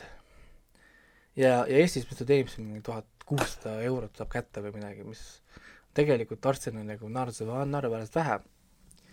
ja, ja, ja ma just hakkasin selle peale mõtlema, et, et noh, mina nagu istun kodus, mängin nagu Final Fantasy't ja saan ka rohkem raha kui inimene, kes, kes nagu noh, õppis nagu ma ei tea, kui kuradi kümme aastat peale ja kuradi ja, ja noh, no miks see nagu on niimoodi selles tegelikult. ja, ja tegelikult üldse kõik inimesed, põhimõtteliselt praegu ongi ju hea võtta kõik töökohad, kes ei saanud koju, koju, koju, koju jääda. Kõik inimesed, kes ei saanud koju jääda, kõik, kõik peaks saama palga, palgakõrgendust. absoluutselt kõik töökohad, kes ei saanud koju jääda, peavad, peaksid saama palgakõrgendust. ja see tähendab seda, et need inimesed on need, kellel, ilma kelleta meie ühiskond ei saa funktsioneerida kõik inimesed, kes said koju jääda, kaasa arvatud meie äh, tegelikult peaksid äh, vaatama sügava pilguga, et kas meid on vaja nii väga ühiskonna funktsioneerimiseks.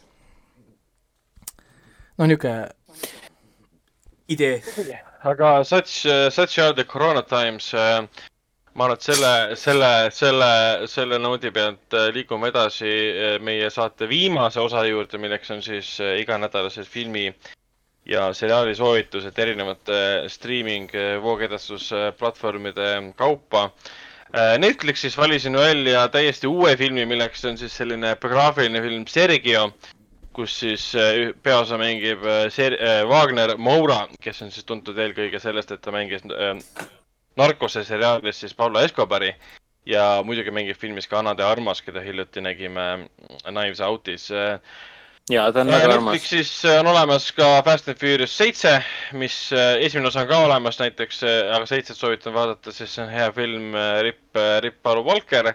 see jäi temast viimaseks filmiks.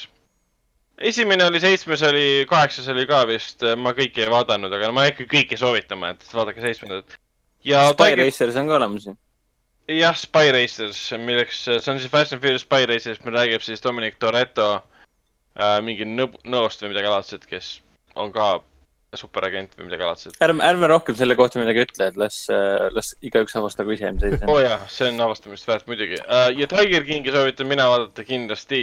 aga no Aa, Netflixis on veel High School, High Score Girl, ma ei tea, ma igaks ja juhuks seda sa seda üle oled. mitu korduvalt soovitanud. jah, et, et seda igal juhul ja samuti Violet Evergardeni film tuli ka välja nüüd, et siis kui need inimesed, kes vaatasid ära kunagi sarja, tundsid, et jäi väheks, siis tegelikult nüüd äh, viimasel nädalal Netflix andis Violet Evergardeni filmi välja ja tegelikult ma vaatasin seda ka ju, kurat, ma peaks kaks kirja panema asju, mida ma olen vaadanud, fucking hell. et mul praegu tuli meelde, et ma vaatasin selle ka ju. et, et, et äh, soovitan ära, ära vaadata, see on jõhkralt hea asi. et, et äh, ma pole tegelikult üldse rääkinud sellest kunagi, aga, aga Violet Ever- Evergarden ühe lausega on teise maailmasõja aegne siis animatsioon, kus ka, mis räägib ühest naisest, kes kaotab, kaotab käed ähm,. ja see on jälle Jaapani ani- animatsioon of course, mida ma ikka muud vaatan, onju. Jaa, okei, jah. ja, ja, ja, enough. ja nüüd siis tuli nagu film, mis siis tegelikult äh, täiustab siis seda äh, siis anime hooaega siis. ja, ja mulle meeldib just, kuidas see Netflix on teinud selle lühikirjelduse siis heartfelt emotional drama, mis väga hästi võtab selle asja kokku. et, et peab olema valmis äh, võib-olla natuke pisaraid valama, aga noh äh,, soovitan vaadata. pigem. Okei, ma okei, noh. kindlasti ühe neist võtan ette, ma kõike ei jõua, sest ma endiselt olen Losti peal praegu järjest uh. mainime ka Telia HBO-d, Telia HBO-s algas, algas muidugi siis ähm, Westworldi kolmas hooaeg, millest on praegu vist mingi viis episoodi või neli episoodi väljas ähm,. Muidugi Run on olemas, millest Hendrik juba rääkis ja, ja tegelikult tuli välja, et kõik vihkavad seda, nii et ma pean selle ära vaatama Äh, kuna koroona ajastul on nüüd rohkem aega või noh, rohkem aega arvuti taga või siis ekraani taga olla, siis soovitan kindlasti ette võtta Deadwoodi, mis on HBO klassika ja The Wire, eesti keeles vist äh, võrgustik, on ka HBO klassika. Amazon Prime videost äh, Tales from the Loop, mida soovitab kindlasti Raiko. jaa, kindlasti Äh, kindlasti vaadake, see on ikka ootamatult hea asi. ja sa soovitad kindlasti ka Picardi. jah, aga ma räägin, inimesed, vaadake ära kuradi see Next Generation, Star track mm. -hmm. isegi kui te midagi muud ei viitsi vaadata, kõik muud Star trackid ei viitsi vaadata, siis lihtsalt võtke Star track Next, Next Generation ja siis vaadake Picard, te võite ignoreerida kõike muud, mingi kahtesada viitekümmet ep-, episoodi ja muud Star, Star tracki, lihtsalt Next Generation ja Picard ja, ja siis pärast võite mind tänada, saatke mulle ilus e- email ja thank you. Next Generation on praegu Netflixis ka või? on, aa, on olemas jah, jah. Netflixis Star trackis. kõik, kõik Star trackid on olemas. on jah, Next Generation, Discovery, Voyager, Deep, Deep- Deep Deep Space Nine, Enterprise, tavaline Star track, kõik on Star olemas track, Animated Series on ka olemas. kõik on olemas, need terve, terve Star track on Netflixis olemas, andke minna. Mingi Variety Talk Show After Track on ka olemas. Nad ikka soovitavad siin päris julmalt. ja Amazoni Prime'is mina soovitan kindlasti Huntersit vaadata, mis mul endiselt pooleli, aga, aga esimene episood mulle väga meeldis, väga rõve, vastik, musta huumoriga natsitapufilm. minu arust Wow. see poisi nimi oli natsitapufilm? Nats- Logan Lerman. natsitapufilm jah. Logan Lerman äh, on siis noor poiss, keda õpetab siis välja põhimõtteliselt Al Pacino äh, vana juudina, kes otsivad siis Ameerikas äh, sinna põgenenud natse taga, kes tahavad siis äh, järgmist Reichi luua Apple Ah. TV-s ma vaatasin, sinna jõuab varsti Defending Jacob, mis on siis Chris Evansi uus seriaal, kahekümne neljandal aprillil siis. ja praegu seal jookseb juba Home Before Dark, mis on selline, pigem tundub lastele suunatud seriaal. äh,. ei ole, ei ole, esimene, esimene episood ma va- vaatasin ära, see on nii, palju tumedam, kui ma ootasin, ma ootasin vähe niisugust nagu Nancy True'likku, noh, noh, nagu sa ütlesid, ma ootasin niisugust Nancy True'li, True'likumat äh, asja, aga äh, üllataval kombel vähemalt esimene episood on niisugune väga tume, realistlik, karm täiskasvanute maailm läbi lapse silma. okei okay,, mul jäi hoopis teine mulje, et äh, väike tüdruk avastab kodulinnas äh, mingi saladuse ja hakkab seal nagu, nagu Kalle noh, ei, see on olema Brooklyn Prince ja, see on ka, ja jaa, noh see on, ka. täielik nagu nais Kalle Blomqvist nagu. et, et ei no see osa on ka kindlasti, aga ma räägin, et ta oli ootamatult tume, ma mõtlesin, et ta on vähe niisugune leebem. et, et oo, mina mõtlesin, et ta on leebem, muidugi noh, see on ainult see esimene episood, praegu vist on kuus veel oli väljas või oli viis. nii et, et varsti on juba see hooaeg ka läbi, nii et hea aeg hakata vaatama. ja eestikeelsed subtiitrid of course. aa, no täpselt jah, Apple TV plussi puhul on jah suurim eelis, et ma hakkasin ise siis äh, Mythicasti lõpuks vaatama, mis mulle väga meeldib. Amazing Stories äh, kavatsen äh, kohe-kohe ette võtta ja see on, eestikeelsed subtiitrid on võib-olla lihtsalt sellepärast hea, et kuna ma niikuinii vaatan filme, vanu filme eriti ingliskeelsete subtiitritega, ma kardan, et ma alati mingist asjast saan valesti aru, see on umbes nii, nagu sa mäletad mingit lapsepõlve muusikapala oma arust väga hästi ja hakkad lõpuks lugema sõnu, vaatad, aa, ma olen kolmkümmend aastat valesti laulnud seda. ja, ja Janno Bushmani tõlge on väga kvaliteetne ka. ja, Janno Bushman on legendaarne ka muidugi. kusjuures mina vaatan äh, voogedastusplatvormidel absoluutselt kõike subtiitritega. vahet pole, et enamik sellest, mis ma vaatan, on ingliskeelne. Mm, kui mul on vähegi võimalik panna ingliskeelsed subtiitrid, siis ma panen alati ingliskeelsed subtiitrid alla. mina vaatan ingliskeelsete subtiitritega ainult äh, mitte ingliskeelseid asju. Ah, ma vaatan, ma vaatan kõike, et mul, ma ei tea, miks mul on see, mulle lihtsalt meeldib see. et juhul, kui telefon hakkab mingi helisema ja ma pean selle vastu võtma ja, ja aju ei ütle mulle, et pane paus, siis ma samal ajal saan edasi vaadata. ja kui ma ei taha pausi, pausi panna, siis ma väga ei hooli sellest sarjast, aga ma tahan lõpuni vaadata, ma saan seda teha või siis juttu rääkida samal ajal noh, kui, kui ikka aju ei ütle, no mis sa siis teed? aju peab kuulama ju. jah, aga sellega sellega meie, meie jututeema seekord otsa. tuli tavapärasest muidugi pikem saade. aga sellised, sellised such, such are the corona times võib selle kohta taaskord öelda. Jah, it's corona time. pikk saade, aga, aga hea saade, see on kvaliteeti täis.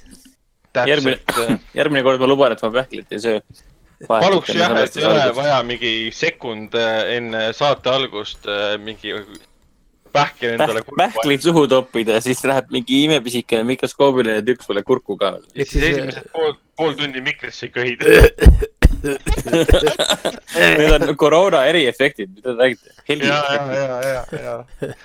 ongi, ongi Ähm,, ega jah, nüüd peale koroona ajal me asendame aplausid köhimisega. aa, issand, see on too soon. veits. kuule, kas te, kas te vaatate äkki viimase asjana, mis veel võiks saatesse äh, lõpu, lõpuosaks sisse jääda, kas te seda John Krasinski sa, Some Good- News'i ka vaatate? ma olen vaadanud äh, paar osa, vaatasin, ma vaatasin seda Hamiltoni osa, vaatasin ära, siis ma Tal on vaatasin jah, need kolm on olemas. intervjuu selle Carrel, Carreliga. jah, see oli esimene. ja siis tal oli lihtsalt need klipid inimeste mingi, mingi stuff'is seal. jah, no seda ta Wow. teebki, see ongi, see ongi tema, tema formaat nii-öelda. rohkem pole, esimest aga- episoodi olen vaadanud, rohkem pole. ei, ta on tore selles suhtes, aga kolmandat osa vaadates ma tundsin küll, et mingi okei okay,, ma olen ikka liiga eestlane, et ma ei, ma ei suuda nii, nii palju positiivsust nagu vaadata. see on fake, vaata, see on, see on see fake noh, ma positiivity. tundsin, et ma olen, ma olen nüüd liiga, liiga täis seda, ma ei, ma ei, ma ei jaksa. mulle, mulle see väga see fake positivity ei meeldi, noh, see on nagu see, et et fake it till you make it umbes, et naerad kuni kaua, kuni sa veenad iseennast, et sul on hea tuju. ei no see- positiivsust see ei on on vaja niikuinii praegustel rasketel aegadel, aga, aga antud juhul õnneks meil on ju alati äh, valik, mis, kuidas me seda positiivsust äh, endasse, endasse saame. jah, täna muidu tuli Netflixi Netflixi uus stand-up ka, mida ma tegelikult tahtsin vaatama hakata, et ah, milline? ma kohe ütlen selle nime, ma kohe ütlen selle nime, võtan korra siis lahti. täna tuli, täna tuli jah, võib-olla oli isegi eile, Chris Delia No Pain. excuse me? Chris Delia stand-up No Pain. ta on päris hea, aa, tal on siin äh, teisi ka äh, varem, ta on, ta on niisugune soojussoov, kui ma peaks hindama, ma ma annan, ütleme kümne palli, ma annaks talle seitse pool. ütleme, et, et äh, sa saad, sa saad, saad, saad õnneks ikka nagu naerda, et see ei ole umbes, et sa vaatad seal tund aega ja naerad neli korda, vaid see on ikka, sa naerad ikka nelikümmend minutit, ma arvan ikka saad, saad, saad ikka naerda. kusjuures ma tahtsin ka igasuguseid mainida, äkki keegi, kellelgi on meelest ära läinud, et tegelikult nüüd, mis ta nüüd on siin, siin reedel, reedel tuleb siis äh, Ricky Gervaisi Afterlife'i teine hooaeg. jaa, nägin selle treilerit, esimene hooaeg mulle väga meeldis. Äh, mul on esimene hooaeg veel lõpet-, lõpetamata, aga mulle ta meeldib iseenesest. aa, ja ja oli, uus, uus Ghost in Shell'i äh, seriaal, seriaal tuleb ka. GCI Animation. Et siin on veel üks, üks asi, mis eestlastele millegipärast meeldib, et need ka, need on alati Eestis väga kõrgetel vaatamiskohtadel. Too hot to handle tuli ka välja. jah, Netflix andis mulle teada. ja, ja Ja- ma nägin selle treilerit, ma Ja- ma ei saanud praegu täpselt. ja point ongi, number, number. number one in, in Estonia, kohe, instant. Juba või? jaa, seal eestlastel lähevad Nii kiiresti? niisugused, niisugused asjad peale. Et ma tahtsingi seda ma vaatasin seda ja mõtlesin, et see on umbes sama debiilne nagu need äh, Adam ja Eva seal Paljana saarel. vahet ei ole, eestlased hullult vaatavad neid asju. samamoodi kõik, mis on seotud horoskoopide ja asjadega, kohe number üks Eestis. eestlased on, vaata, see on nagu see, et kuskil oli see nali, keegi tegi nalja, Eestil oli ka üks äh, stand-up oli. Oh, et there is like coun- country in Europe, a small country in Europe, Estonia, they are number one in uh,, in not, in not believing God. Like eighty, eighty-eight percent or something, you know, eighty'st. But there is a big secret, they all believe in uh, dead stars uh, predicting their futures. kusjuures äh, sellega seoses tuleb meelde, et äh, eestlased ahmivad sisse sellist, mis see, mis see on siis, tõsi, tõsielu seriaale, kus on tehtud siis võimalikult äh, palju seksikaid inimesi on kokku pandud, tegemaks mingisuguseid rämedaid äh, suhte, suhtejamasid. Sellega seoses tuleb meelde Euphoria seriaal, kus siis äh, Zendaya karakter oli korraks äh, ääretus äh, depressioonis ja siis ta avastas ka, et kui ta on ääretus depressioonis, siis ta muud ei tee, kui vaatab kodus voodis teki all äh, oma läpakast või siis tahvlist ainult äh, neid Aadama ja Eeva stiilis äh, tõsieluseriaale nii-öelda. ja siis ta ühel hetkel avastas, et kui see teda ka enam ei lõbusta, siis on depressioon ikka kaugele jõudnud. Et see oli nagu niisugune naljak-, naljakas osa eufo- eufooriast, kus ta tõdes, et see oli ainuke asi, mis suutis teda maa peale tuua. nojah, aga ma räägin. et ma tahan öelda seda, et eestlane vist, keskmine eestlane on vist väga depressioonis praegu. no eestlased, tead et, ainuke asi, mis ta suudab vaadata, on niisugune jama. näed, palun väga, mida eestlane vaatab, Too hot to handle, no esimene kohe, Tiger King, teine ja kolmas on RuPaul. ei, RuPaul on väga lahe, aga noh, nii et, nii et äh, kui tahate kirjeldada eestlast välismaalasele, siis äh, palun väga. Kas seda top kolm hakkab murdma äkki siis äh, reedel saabub Extraction, Chris, Chris Kahtlen. Hemsworthi uus film või teeb seda ma näiteks kahtlen, see on jah mingi ameeriklaste teema rohkem. Lethal Weapon, surmarelv esimesel mail tuleb Netflixi või teeb seda. see film ikka või? film Mitte seriaal. ei, ei, jumala eest. issand, seda ma vaataksin küll hea meelega uuesti. Blumhouse'is uh, Truth or Dare Extended Director's Cut. Rämps filmile tehti Director's Cut ja see tuleb Netflixi. jaa, nõus, see oli rämps, mulle üldse ei meeldinud. et jah, okei okay,, kuule, aga siis on hästi ju. aga sellega loeme- saate saateks ja, ja kohtume teiega juba järgmine kord. ja tõenäoliselt endiselt ikka veel karantiinis, mitte kuskil stuudios. jah, jah. ei tundu eriti tõenäoline, Teoorias- ma võin stuudiosse minna ja, ja sealt nagu salvestada, et helistate sisse, aga siin, kuna ma sain nüüd uue mikri, siis ma loodan, et see on palju parem kui eelmised. ja ma arvan, ma arvan, et siiamaani on meil heli olnud fine, välja arvatud siis üks saade, kus äh, oli natuke nihu, aga kusjuures meil Aga-, meil, meil, meil jäi mainimata üks väga täht-, kaks väga tähtsat asja ju, sest noh, maikuus tulevad ju äh, Rick and Morty, mis see on, neljanda hooaja teine pool või? jaa. Ja maikuus tuleb ka Rick and Morty ühe loo ja Justin Roilandi Rick and Morty stiilis äh, Hulu seriaal äh, Solar Opposites. kaheksandal, kaheksandal. eelmises saates me vist mainisime tegelikult, aga sellest sõltuvalt seda tasub uuesti mainida. kui sa oled mänginud Justin Roilandi kaasabil loodud seda Trover Safety Universe äh, mängu, mis on nii arvutil, VR-is kui ka siis Playstationiga pidi äh,, siis see absoluutselt meenutab seda. Aga kuna Trover meenutab väga Rick and Morty't ja Rick and Morty meenutab väga Solar Opposite'i, siis need on kõik väga sarnased asjad. fännid on muidugi veits pist selle koha pealt, et mingi, et te teete nagu Rick and Morty uue hooaja teete pooleks ja nii kaua võtab aega ja samal ajal Roiland teeb mingi uue seriaali juba valmis. samal ajal võiksite teha Rick and Morty'le viienda hooaja, aga ei, te teete mingit teist seriaali. ei oota What?, Rick ja Morty tuleb lüpsta, seda tuleb lüpsta, see ei, see, see ei käi niimoodi, et sa lihtsalt toodad üle See seda, ja kuni see ammendab ära ennast, vaata. Muidugi Rick and rahulikult. uusi episoode pärast kolmandat hooaega telliti, kui ma ei eksi, mingi üle kolmekümne episoodi või rohkem telliti selle stuudio poolt. ja teine asi on ka see, et äh, andke andeks, kui sa ütled mulle praegu, et, et ma, ma olen kõik neli hooaega ära vaadanud, Rick and Morty's nii palju, kui saadaval on. ja kui ma küsin su käest, et sa oled, mitu korda ja sa ütled, et ainult ühe, siis noh, tead, sorry, sa pole näinud seda siis. vaadanud tegelikult. Rick and Morty episoodid on nii, nii, nii kõrge pilotaažiga loodud, loominguline, vili. lihtsalt nagu, on, ei, ei, see, see on jama, see on jama, see ei vasta tõele, see on mingi Ragnari välja mõeldud. aga point on selles, et sellised igast episoodist on niivõrd palju asju leida uuesti, uuesti, uuesti. kiht-kihi haaval seda asja läbi võtta. kõik on Netflixis olemas kümme korda ära vaata Youtube'i minema, what really happened on Rick and Morty blablabla ending ei, explain. kusjuures ei, äh, fakt, et mina seda jama üldse kunagi ei vaata. kusjuures äh, on olemas minu arust isegi üks channel, see Rick and Morty, mis see whatever channel, ühesõnaga, et peaks seda kiiresti leidma, kus on küll mingisugune vend võtab iga, iga episoodi mingi kahetunnise videona lahti. oot-oot. seal ta võibki nagu tabada midagi, mida meie et see, et see tundub jälle mingi, mingi tundub väga loll idee, aga nagu korralik editing ja väga hästi tehtud, vaata video, siis tõmbab tegelikult sisse, vaata. sa vaatad mm. Nagu dokumentaalfilmi igast episoodist nagu eraldi. ta läheb sinna mingi Twitteritesse ja inimeste nagu ta-, tegijate taustadesse, ta lahkab selle kirjutajate nagu noh, stuff'i vaata, siis ma olen nagu what the fuck, et kust sa seda aega võtsid, vaata mees. noh, nagu, et, et noh, räägin, et internet on imeline, et eh, kasuta, kasutage seda õigesti, et ärge otsige 5G maste, vaid otsige Rick and Mortyt. jah ähm,, hmm.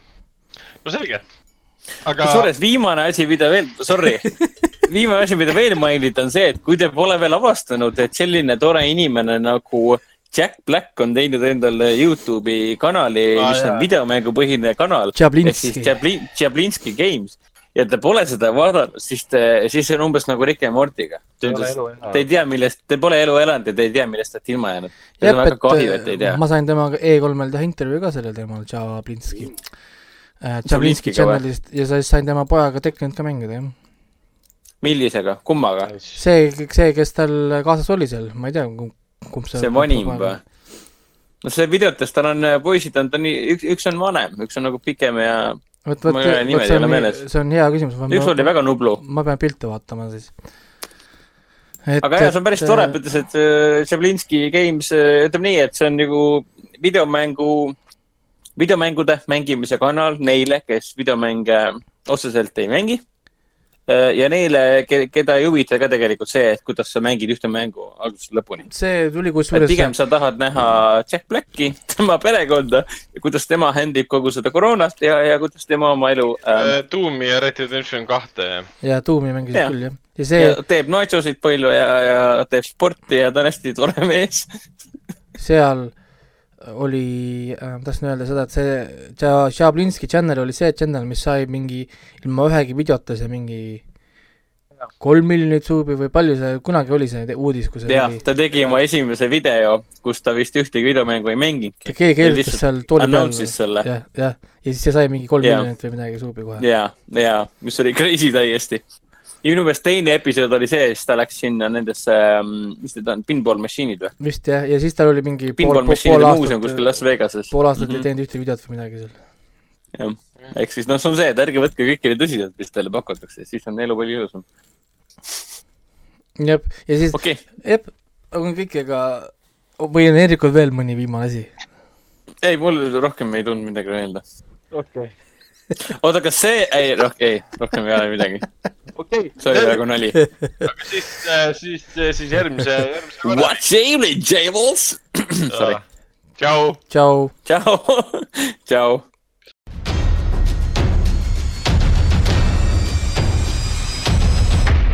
kinoveebi Jututuba podcasti toob teieni Foorum Cinemas